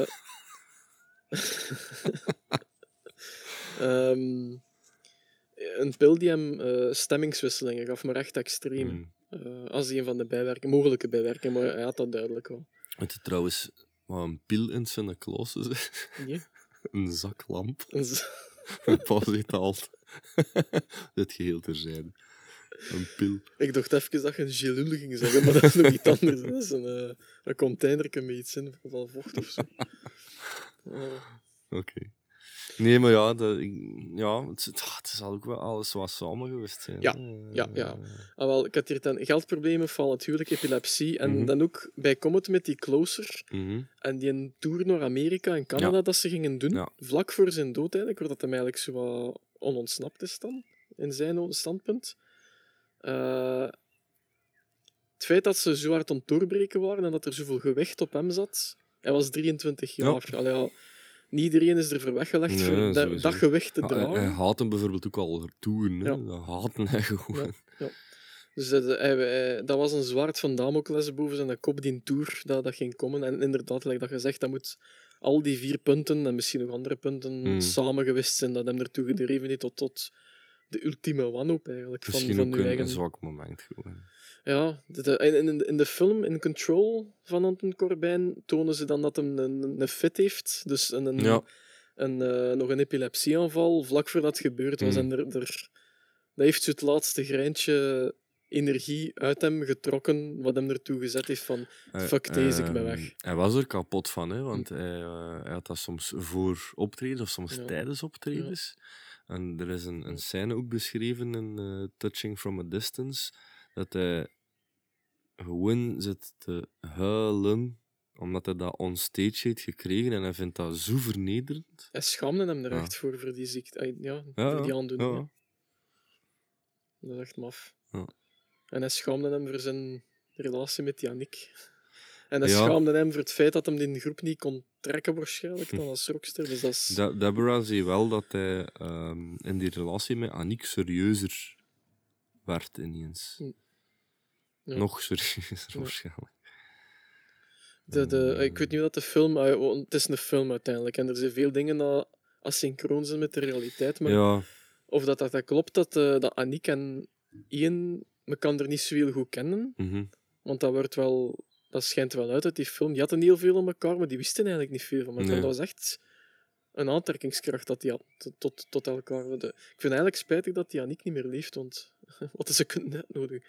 Wat is ze kunnen... eh, Ehm, ja, er wordt ook zo gezegd van, want blijkbaar, allee, alle, alle leden hadden wel op een gegeven punt ja, te doen met groupies. ja, Ehm, er wordt vaak gezegd dat eh, ze, ze eenvoudige relaties eigenlijk inruilden voor veel complexere persoonlijkheden, wat ook Ja, veel meer gewicht met zich meebracht en het eigenlijk alleen maar moeilijker maakten.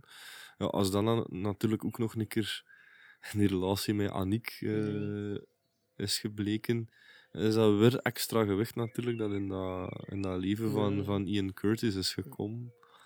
Wat ik wel cool vond, is dat like Peter Hooks eh stond op record van gezegd hebben dat eh Ian er alles aan deed in een studio of als hij met zijn vrienden samen zat, voor zijn ziekte geen probleem te laten zijn Ja. voor niemand. Hij wou niemand anders, eh, geen probleem zijn voor niemand ehm, anders buiten zichzelf. Wat, wat ook knap is, is hoe de band op zijn ziekte dan ook weer reageren, want die, die zorgden wel voor hem. Die brachten hem naar het ziekenhuis als het moest en, en wisten ook wat ze moesten doen.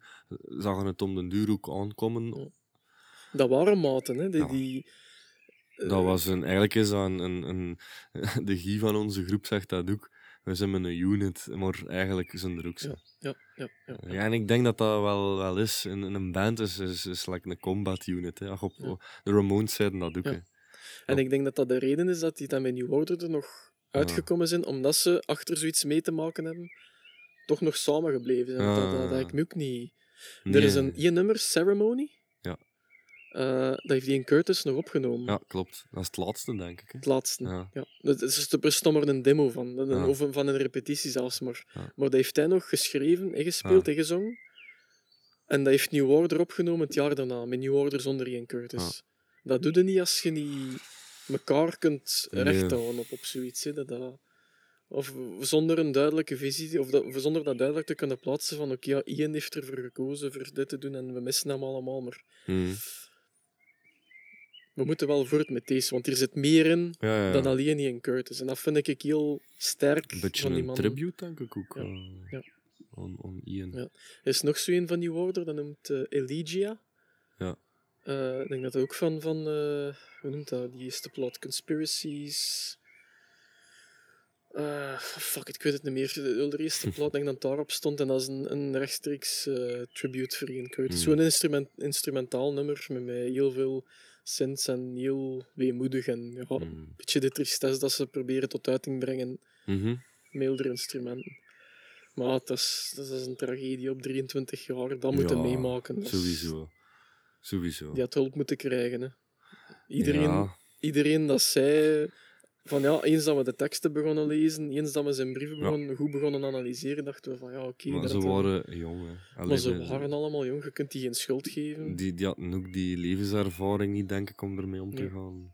Ik denk dat die genoeg schuld gevoeld hebben in hun leven Oh. daardoor. Zijn Fucking hell, ik kan het me niet voorstellen. ja.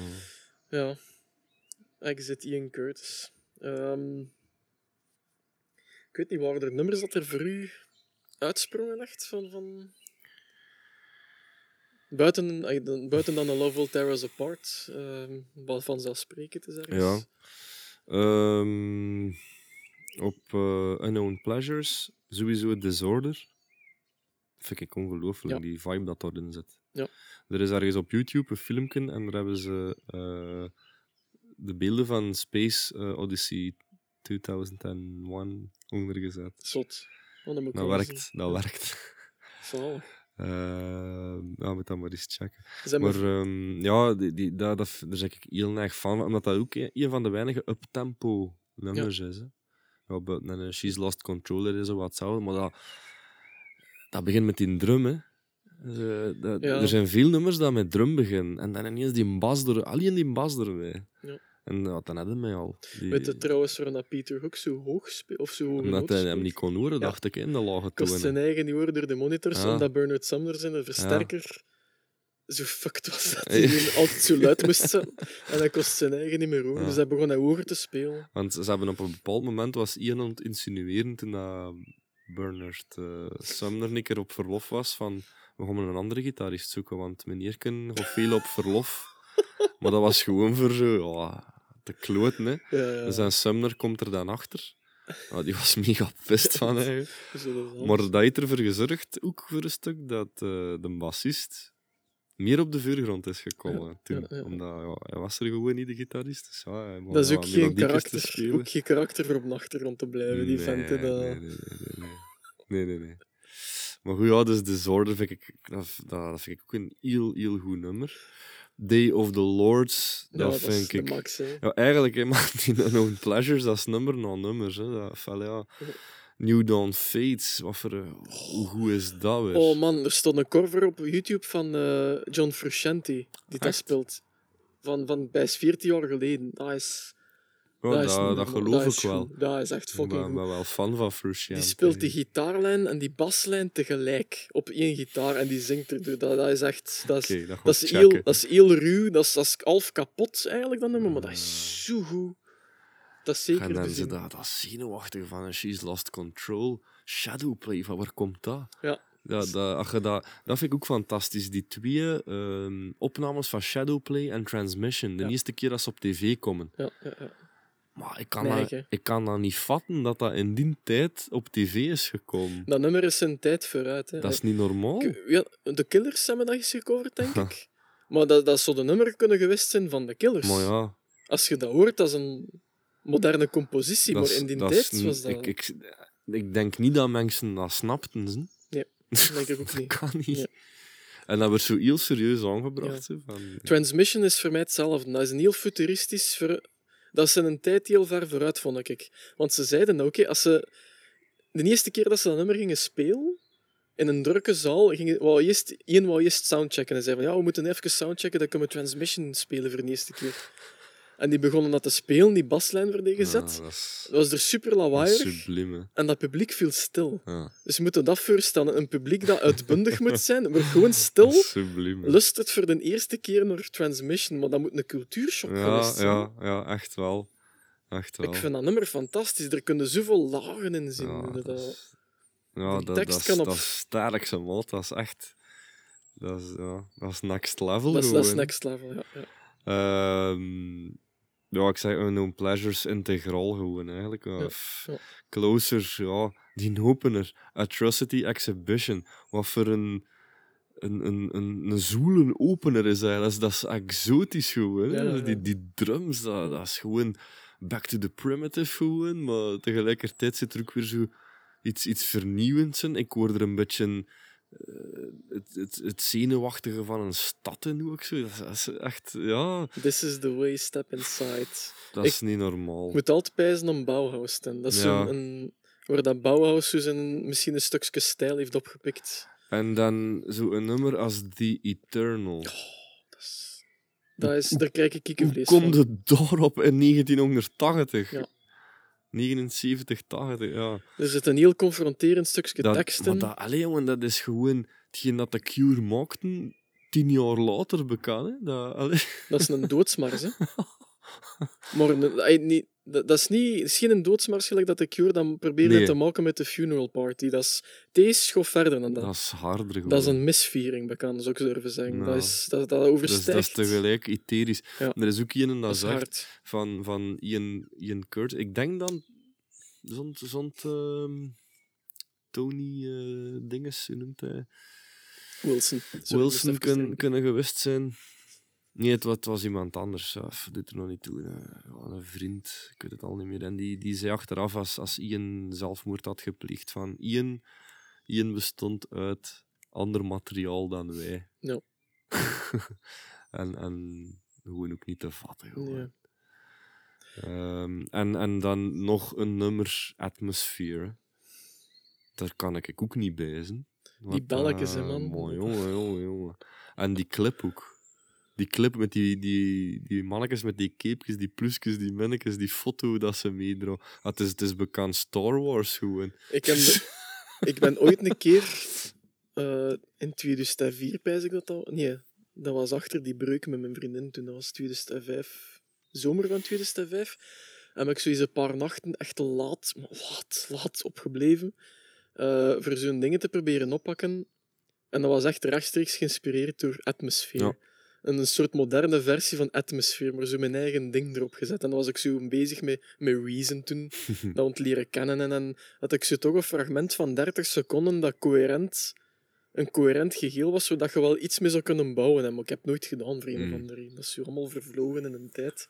En ik heb dat nog altijd staan. Dat is, ik, ik vind dat prachtig, dat, dat, Mm, die mm. atmosfeer. Dat is, Ja, wat ik ook cool want het is volgens mij ook door Ant- Anton Corbijn, toch? Die, de clip, denk ik. Ja? Denk, het, denk het wel. Met die monniken op dat Het, strand. het zo. zwart-witte zo, het zou wel kunnen. hè. Ehm, het is voor de addenda. Ja. Ehm, Ik wil nog één ding zeggen over die Eternal. ja, Dat, dat zinnetje dat er komt. With children my time is so wastefully spent. Dat is een zinnetje waar dat ik achter de geboorte van mijn eerste zoon wel een paar keren op het denken heb. ja. Dat was even... eh, want dat, dat, Dat is een kille waarheid, hè? Ja. Allee, ja. ah wel, maar dat heeft voor mij lang geduurd voor te beseffen dat dat een kille waarheid is. En niet meer van, zit je wel geschikt voor een papa te zijn? Ja, maar dat zei, dat zei Deborah ook van. het- Hetgeen waarover dat hij schreef, ja, was eigenlijk doe het eerlijk, Ja. was waar, was echt. Ja. Ja. Ehm, dat komt binnen, hè? Dat komt heel hard in. en dan, dat- ja, het is hard hè, als, als, als nieuwe ik- vader. Ik, merk nou, ja, ja, en nieuwe moeder. Als je er een beetje bewust over nadenkt wat er gebeurt in hun leven, denk ik dat dat, dat dat maar niet meer als normaal is. En hij, hij heeft er de ballen voor om dat te, Ja. te schrijven en te zingen. En zijn even zo eerlijk en kwetsbaar mogelijk opstellen in dat nummer. Dat is... en dat, Ah. wou ik dat ik drugs nam. Dan, dan wou ik dat ik dat kon kanaliseren op een andere manier. Want dan moet je echt slikken. Voor, of ik moest dan toch echt Ah. slikken voor dat te Maar ik, kunnen ik voel dat in het algemeen nou. Ik, pff, maar die, die klote periode van die COVID. Hopelijk zijn we het nou aan het verlaten. Hè, dat deur, deur maakt. Ja, dat, dat ook wat met mij gedaan. Ik kan ook niet zeggen dat ik op het moment op mijn, mijn top zit. Mentaal. Mhm. En hoe hard dat ik die muziek verwelkom. Dan, met er naar te luisteren. Troostend, hè? Troostend, hè? klankbord, troost, ik Ja. weet het niet. Het, is, het, is, het komt hard binnen gewoon, maar het is een, een erkenning. Ja. Ja.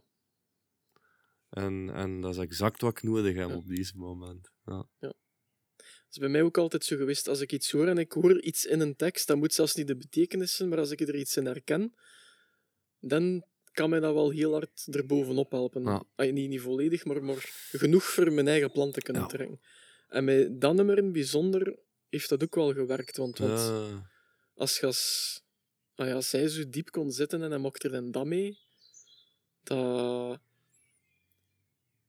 Heb, je- Dat is heb je een- zo buiten die zin nog zo zinnen dat je zegt van... ah, die hebben me wel even eh, bij mijn nekvel gepakt. When Eh, routine bites hard and ambitions are low. Ja. Dat, eh, ook in het voorbije jaar weer. Zelfs niet met oog op, op een... een, een- straks niet keer kijken op mijn status op WhatsApp. Oké. De- Zelfs niet met het oog op een eventuele breuk, maar dat zijn wel zinnen die... Ik ervaarde dat ook dit jaar in bijzonder. Hoeveel mensen gaan dat niet Ja, ervaren? ja, ja, ja. Maar dat is, ook weer, dat is ook weer dat, een en kille hoeveel, hoeveel waarheid. mensen gaan dat ook niet, niet kunnen verwoorden, maar dat wel voelen zo. Ja. Hij zingt dat, hij zegt dat. Ja, ja. Zo eerlijk, man. Dat- want ik zeg het, hè, met, met die biografie te lezen, ik, denk al bekend 120 pagina's, maar Ian Curtis, wat voor een klootzak zit je door Deborah. Zo. Ja, ik snap het. Ehm, voor, dat, vrou- voor die vrouw moet dat verschrikkelijk dat is zijn. nou, echt, eh, echt, echt niet, niet oké. De, de, ja, misschien dan de, de tweede persoon die Ian Curtis is, de artiest.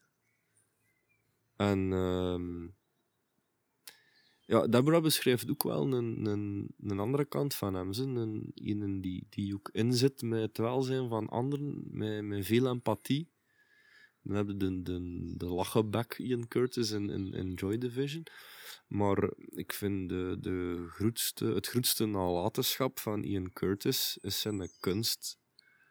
Zijn, eh, zijn, ja, zijn teksten Zijn woorden. Ja. Ja. Ja. Beetje gelijk met Jim Morrison. Ja, want ik, ik denk dat je van zijn... eh, ja, op het einde van eh, Touching From A Distance staan al zijn teksten bekend als een Ja. poëziealbum. Ja. En het doet me enorm hard wijzen aan eh, The Lords and New Creatures van Jim Jim Morrison, man. Ja. Ik vind Ja. dat trouwens heel sterk van, van Deborah dat ze dat doet op die Amai, manier. amai. Wat een heilige is dat, joh. Voor hem dat nog te geven, zelfs achter hetgeen dat hij moet een deur maken. Ja, want ze, moet, ze, ze schrijft eigenlijk... Allee, met, met hetgeen dat ze schrijft, kun je echt niet... Niet rond ehm, het onrecht dat er is aangedaan in die relatie door Ian. Ehm, en toch, en toch, en toch doet ze dat inderdaad. Hè. Ehm, want ze beschrijft ook hoe, ja, hoe dat hij een beetje haar leven heeft bepaald ook. Zeker. Met, met wie dat ze mocht omgaan, naar welke muziek dat ze mocht luisteren, hoe dat ze zich moest kleden zelfs. Ze mocht geen minirokken dragen. Hè, van, eh, Motherfuck, jongen, dat is toch echt niet oké. nee, dat is... Ehm, En ze beschrijft van het besef dat gedaan was tussen ons, eh, ja, was beangstigend. Want ineens krijgt ze die vrijheid. Hij heeft letterlijk gezegd tegen haar, van, weet het is oké, moesten met andere mensen, eh, eh, of met andere mannen eh, omgaan. Maar ik denk dat dat vooral ook weer voortkwam uit het schuldgevoel, hè, omdat hij dan met, met Aniek zelf zat. Hij heeft het dan uiteindelijk ook wel toegegeven. En hij had er beloofd van, kijk, geef mij tijd om die relatie te beëindigen. Hij heeft dat niet gedaan, bij mij weten. Ehm, maar ik denk dat dat gewoon... En dat, dat komt dan weer vooral in Control in de film naar voren. Het heen en weer geslinger. Mhm. Tussen, denk, goed willen doen voor iedereen, een beetje Ja, zo. ja. Ehm, en, en ja, waarschijnlijk toch ergens gaat, gaat zijn gebrek aan levenservaring hem er ook weer een serieus partner in gespeeld. Hoewel dat... dat allee, eh, ergens was die ook wel heel matuur al, hè, als, als tiener. Op een bepaald niveau, de teksten dat hij schreef. Ah, wel, ja, de, de materie waar dat hij mee bezig was. Maar er is nog een verschil tussen, tussen dat, dat kunnen verwoorden en dat kunnen inzien. En het realisme misschien zo. eh, of eh, de, Ja. de... Kijk, mijn, mijn, mijn broer Peter, allee, ik wil die nog niet, eh, niet slecht maken, maar ik, ik vind dat ook wel zo wat. Dat is een fantastisch intelligente persoon. Maar ik vind soms dat die net daardoor. Ja, die, die functioneert zo op een ander niveau. En, en die kan soms heel naïef zijn Ja, in, ja, in ja. het dagelijkse leven. Dat wij zo soms iets zijn van, allee, waarom zit hij dan nu niet in? Ja, eh, dat is ook wel zijn karakter. Hij moet dat dan volledig analyseren. Dat is, dus, het is een, een ana- analyticus tot aan met. In zijn, in zijn geest. ehm. maar die, die, die dat ook al zo wat... eh, Dat is een hele waardevolle persoon voor in je leven Maar ja, op sommige momenten. Het is, is ook iemand waar dat ik naar, naar terug ga. Van als, ik, als ik zelf over iets, op, op iets blijf schikken, dat ik naar hem ga van geef mij eens een theorie. Ja, ja. En hij komt wel met iets over de vloer. hè. Never disappoints. ja. Ehm, Maar ja, inderdaad, when routine bites hard. Dat is wel iets dat we nou zeker kunnen stellen in het jaar waarin dat ik mij eigenlijk niet ontspannen heb. eh. idem. ja. Ik heb geslapen en gewerkt Ja. en voor de kinderen gezorgd. Ja. En voor de rest is er heel weinig Ja. echt ontspanning geweest. Ja. Eh, de, eh, ik weet niet of ik dat op de, op de podcast al vermeld heb, maar de, Oh. onze Dungeons and Dragons eh, eh, sessies die zijn volledig online en dat is zo het enigste dat er nog rest eigenlijk tussen de, tussen de werkdagen en de dagen Mhm. door. begint nu gelukkig stilletjes een beetje te beteren. Met die zomer in het vooruitzicht. Eh, kinderen zijn een beetje minder ziek. Ze kunnen alle twee terug naar school achter ettelijke, ettelijke Niet te quarantaines. doen. Niet te doen.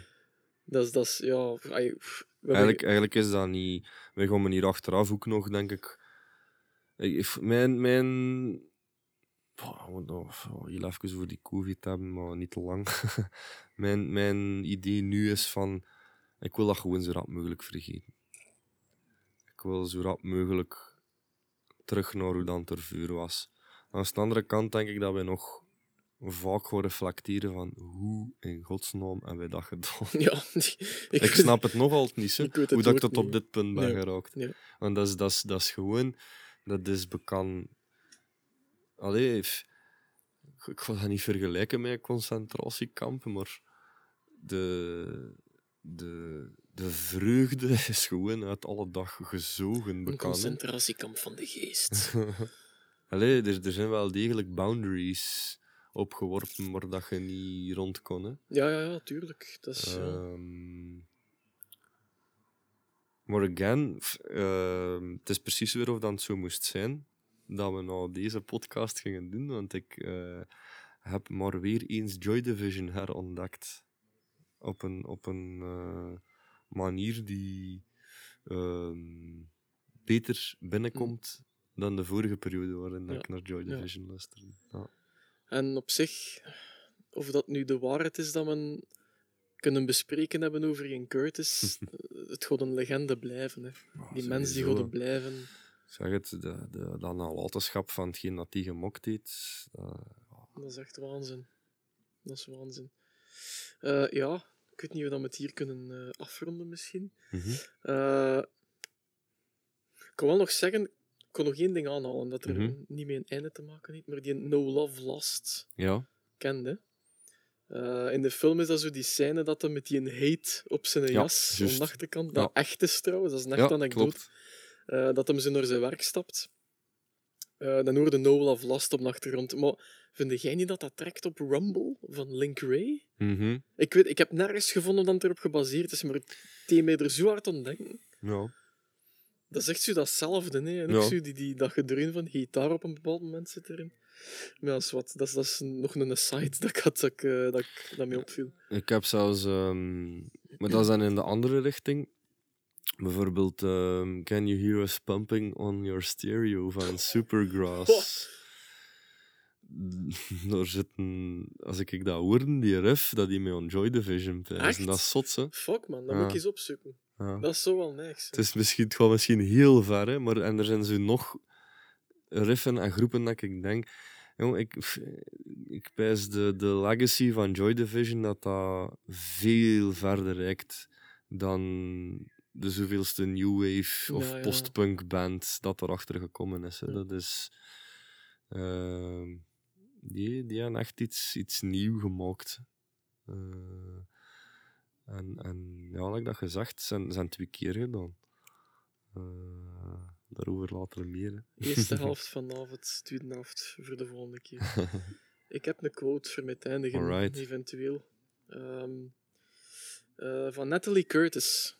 Ah, zalig. eh, het de dochterken dochter. van, eh Is trouwens ook Curtis en Deborah. fotografe, dacht ik, hè, als ik me niet vergis. Ah, dat weet ik eigenlijk. Dat kan het wel. Dat kan wel. ja, ja. Ze heeft, ik weet dat ze eh, heel veel research gedaan heeft naar haar vader, Mhm. voor eh, beter te snappen. Uiteraard. Er is trouwens over Natalie gesproken, een eh, anekdote. Hij durft Natalie niet vastpakken. Omdat hij epilept- ep- epileptische aanvallen en insulten deed en hij had er schrik voor. En op het moment dat de relatie eigenlijk ten einde is, wil Deborah Natalie eh, in haar bedje leggen. En nee, ja, de, ze wil niet Natalie en ze, ze is aan het krijsen en, en ze, ze strekt er echt uit naar Ian. Die op dat moment Natalie soms wel al durft, durft vastnemen tot eh, de verbazing van Deborah. Maar ehm, ja, Ian weigert. Hij wil die, die kleine niet vastnemen. Dat is fucking hard. Ja. En eh, Deborah werd kwaad. En nou gaat die kleine vastpakken en jij gaat die nog een keer naar boven. Dus ik had me zo voorsteld. Ja, En Ian doet dat en Natalie eh, wordt kalm. En hij stikt die Ja. rustig in haar bedje en ze valt in slaap. Tot op dat punt dat Deborah naar boven loopt om te zien of dat hij die kleine niet versmacht heeft of zo. Omdat ze dat echt zoiets deed van... Ja, ja. Ehm, Dat is niet normaal. maar ehm, ik kan zeggen, als er op de, de slechtste dag dat ik ken, als er één reden is waarom dat ik uit mijn bed kom, dan is het Lynn, mijn dochter. Sowieso. Ja. Ik doe de, ja, dat, dat, je, dat je mij nog nooit belet om niet om in een dag te beginnen. En ik vraag me af of dat, dat met Ian is, maar ik, ik vermoed dat... eh, dat allee, het heeft hem niet kunnen tegenhouden van, van, van eh, alle shit waar dat hij mij in zijn kop zat, van, van dat ermee op te heffen. Het feit dat, dat zijn dochter er Ja. was, jammer genoeg. Maar ik denk wel dat hij die geire zag. Ik denk dat ook. Ik denk dat dat... Als je hem op die foto's ziet, dat is ook altijd redelijk gemoedelijk. Ja. Een foto zegt niet veel natuurlijk, maar... Mhm. Ik heb dat met mijn, met een tweede kleine, die ook met, eh, met Noah. Mhm. Die, ehm, is niet gelijk de eerste. Als ik de eerste vastpak, die eerste zes maanden of ja, toch Ik weet dat nog, ja.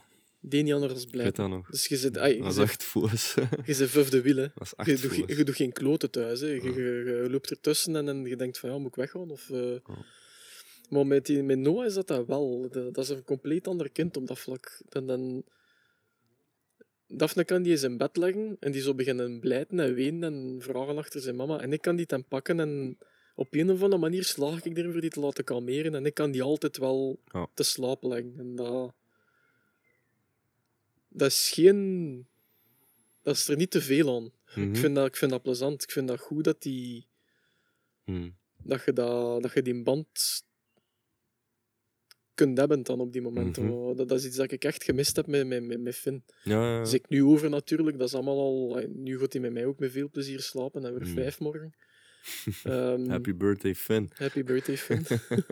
Zalig. Binnen 15 jaar, als je er naar luistert, en god, en naar luistert, godverdomme, dan, We mogen dat verulder. dan eh, dat zal wel zijn. Ja, dan, dan, ja.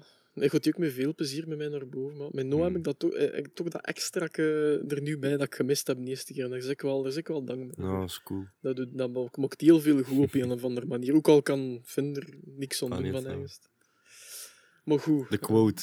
van kinderen gesproken. Natalie Curtis, de dochter van. Ehm, My mother and I agreed with what Tony Wilson once said. If it's a choice between the truth and the legend, take the legend every time. dus bij deze denk ik dat we het werk van Joy Division misschien voor zich moeten laten spreken. Mhm. En Ian zijn woorden via die weg voor zich moeten laten Ja. spreken. En eh, rest in peace, zou ik zeggen. Rest in peace, sowieso. Nou, Goed, dit was Joy Division. Dat was een hele gewichtige voor door te geraken, maar ik ben heel blij dat we het gedaan hebben. ja. Ja, en ik vond het eigenlijk vreemd dat we, dat nog niet, dat we het er nog niet over gehad hadden, over Joy Division. Maar het moest misschien ook weer zo zijn. Net zoals de cover van Unknown Pleasures. Ja. Absoluut. Absoluut. dus, eh, cool. Goed. Merci als je tot hier geraakt zit, zoals altijd. En tot de volgende. Bye.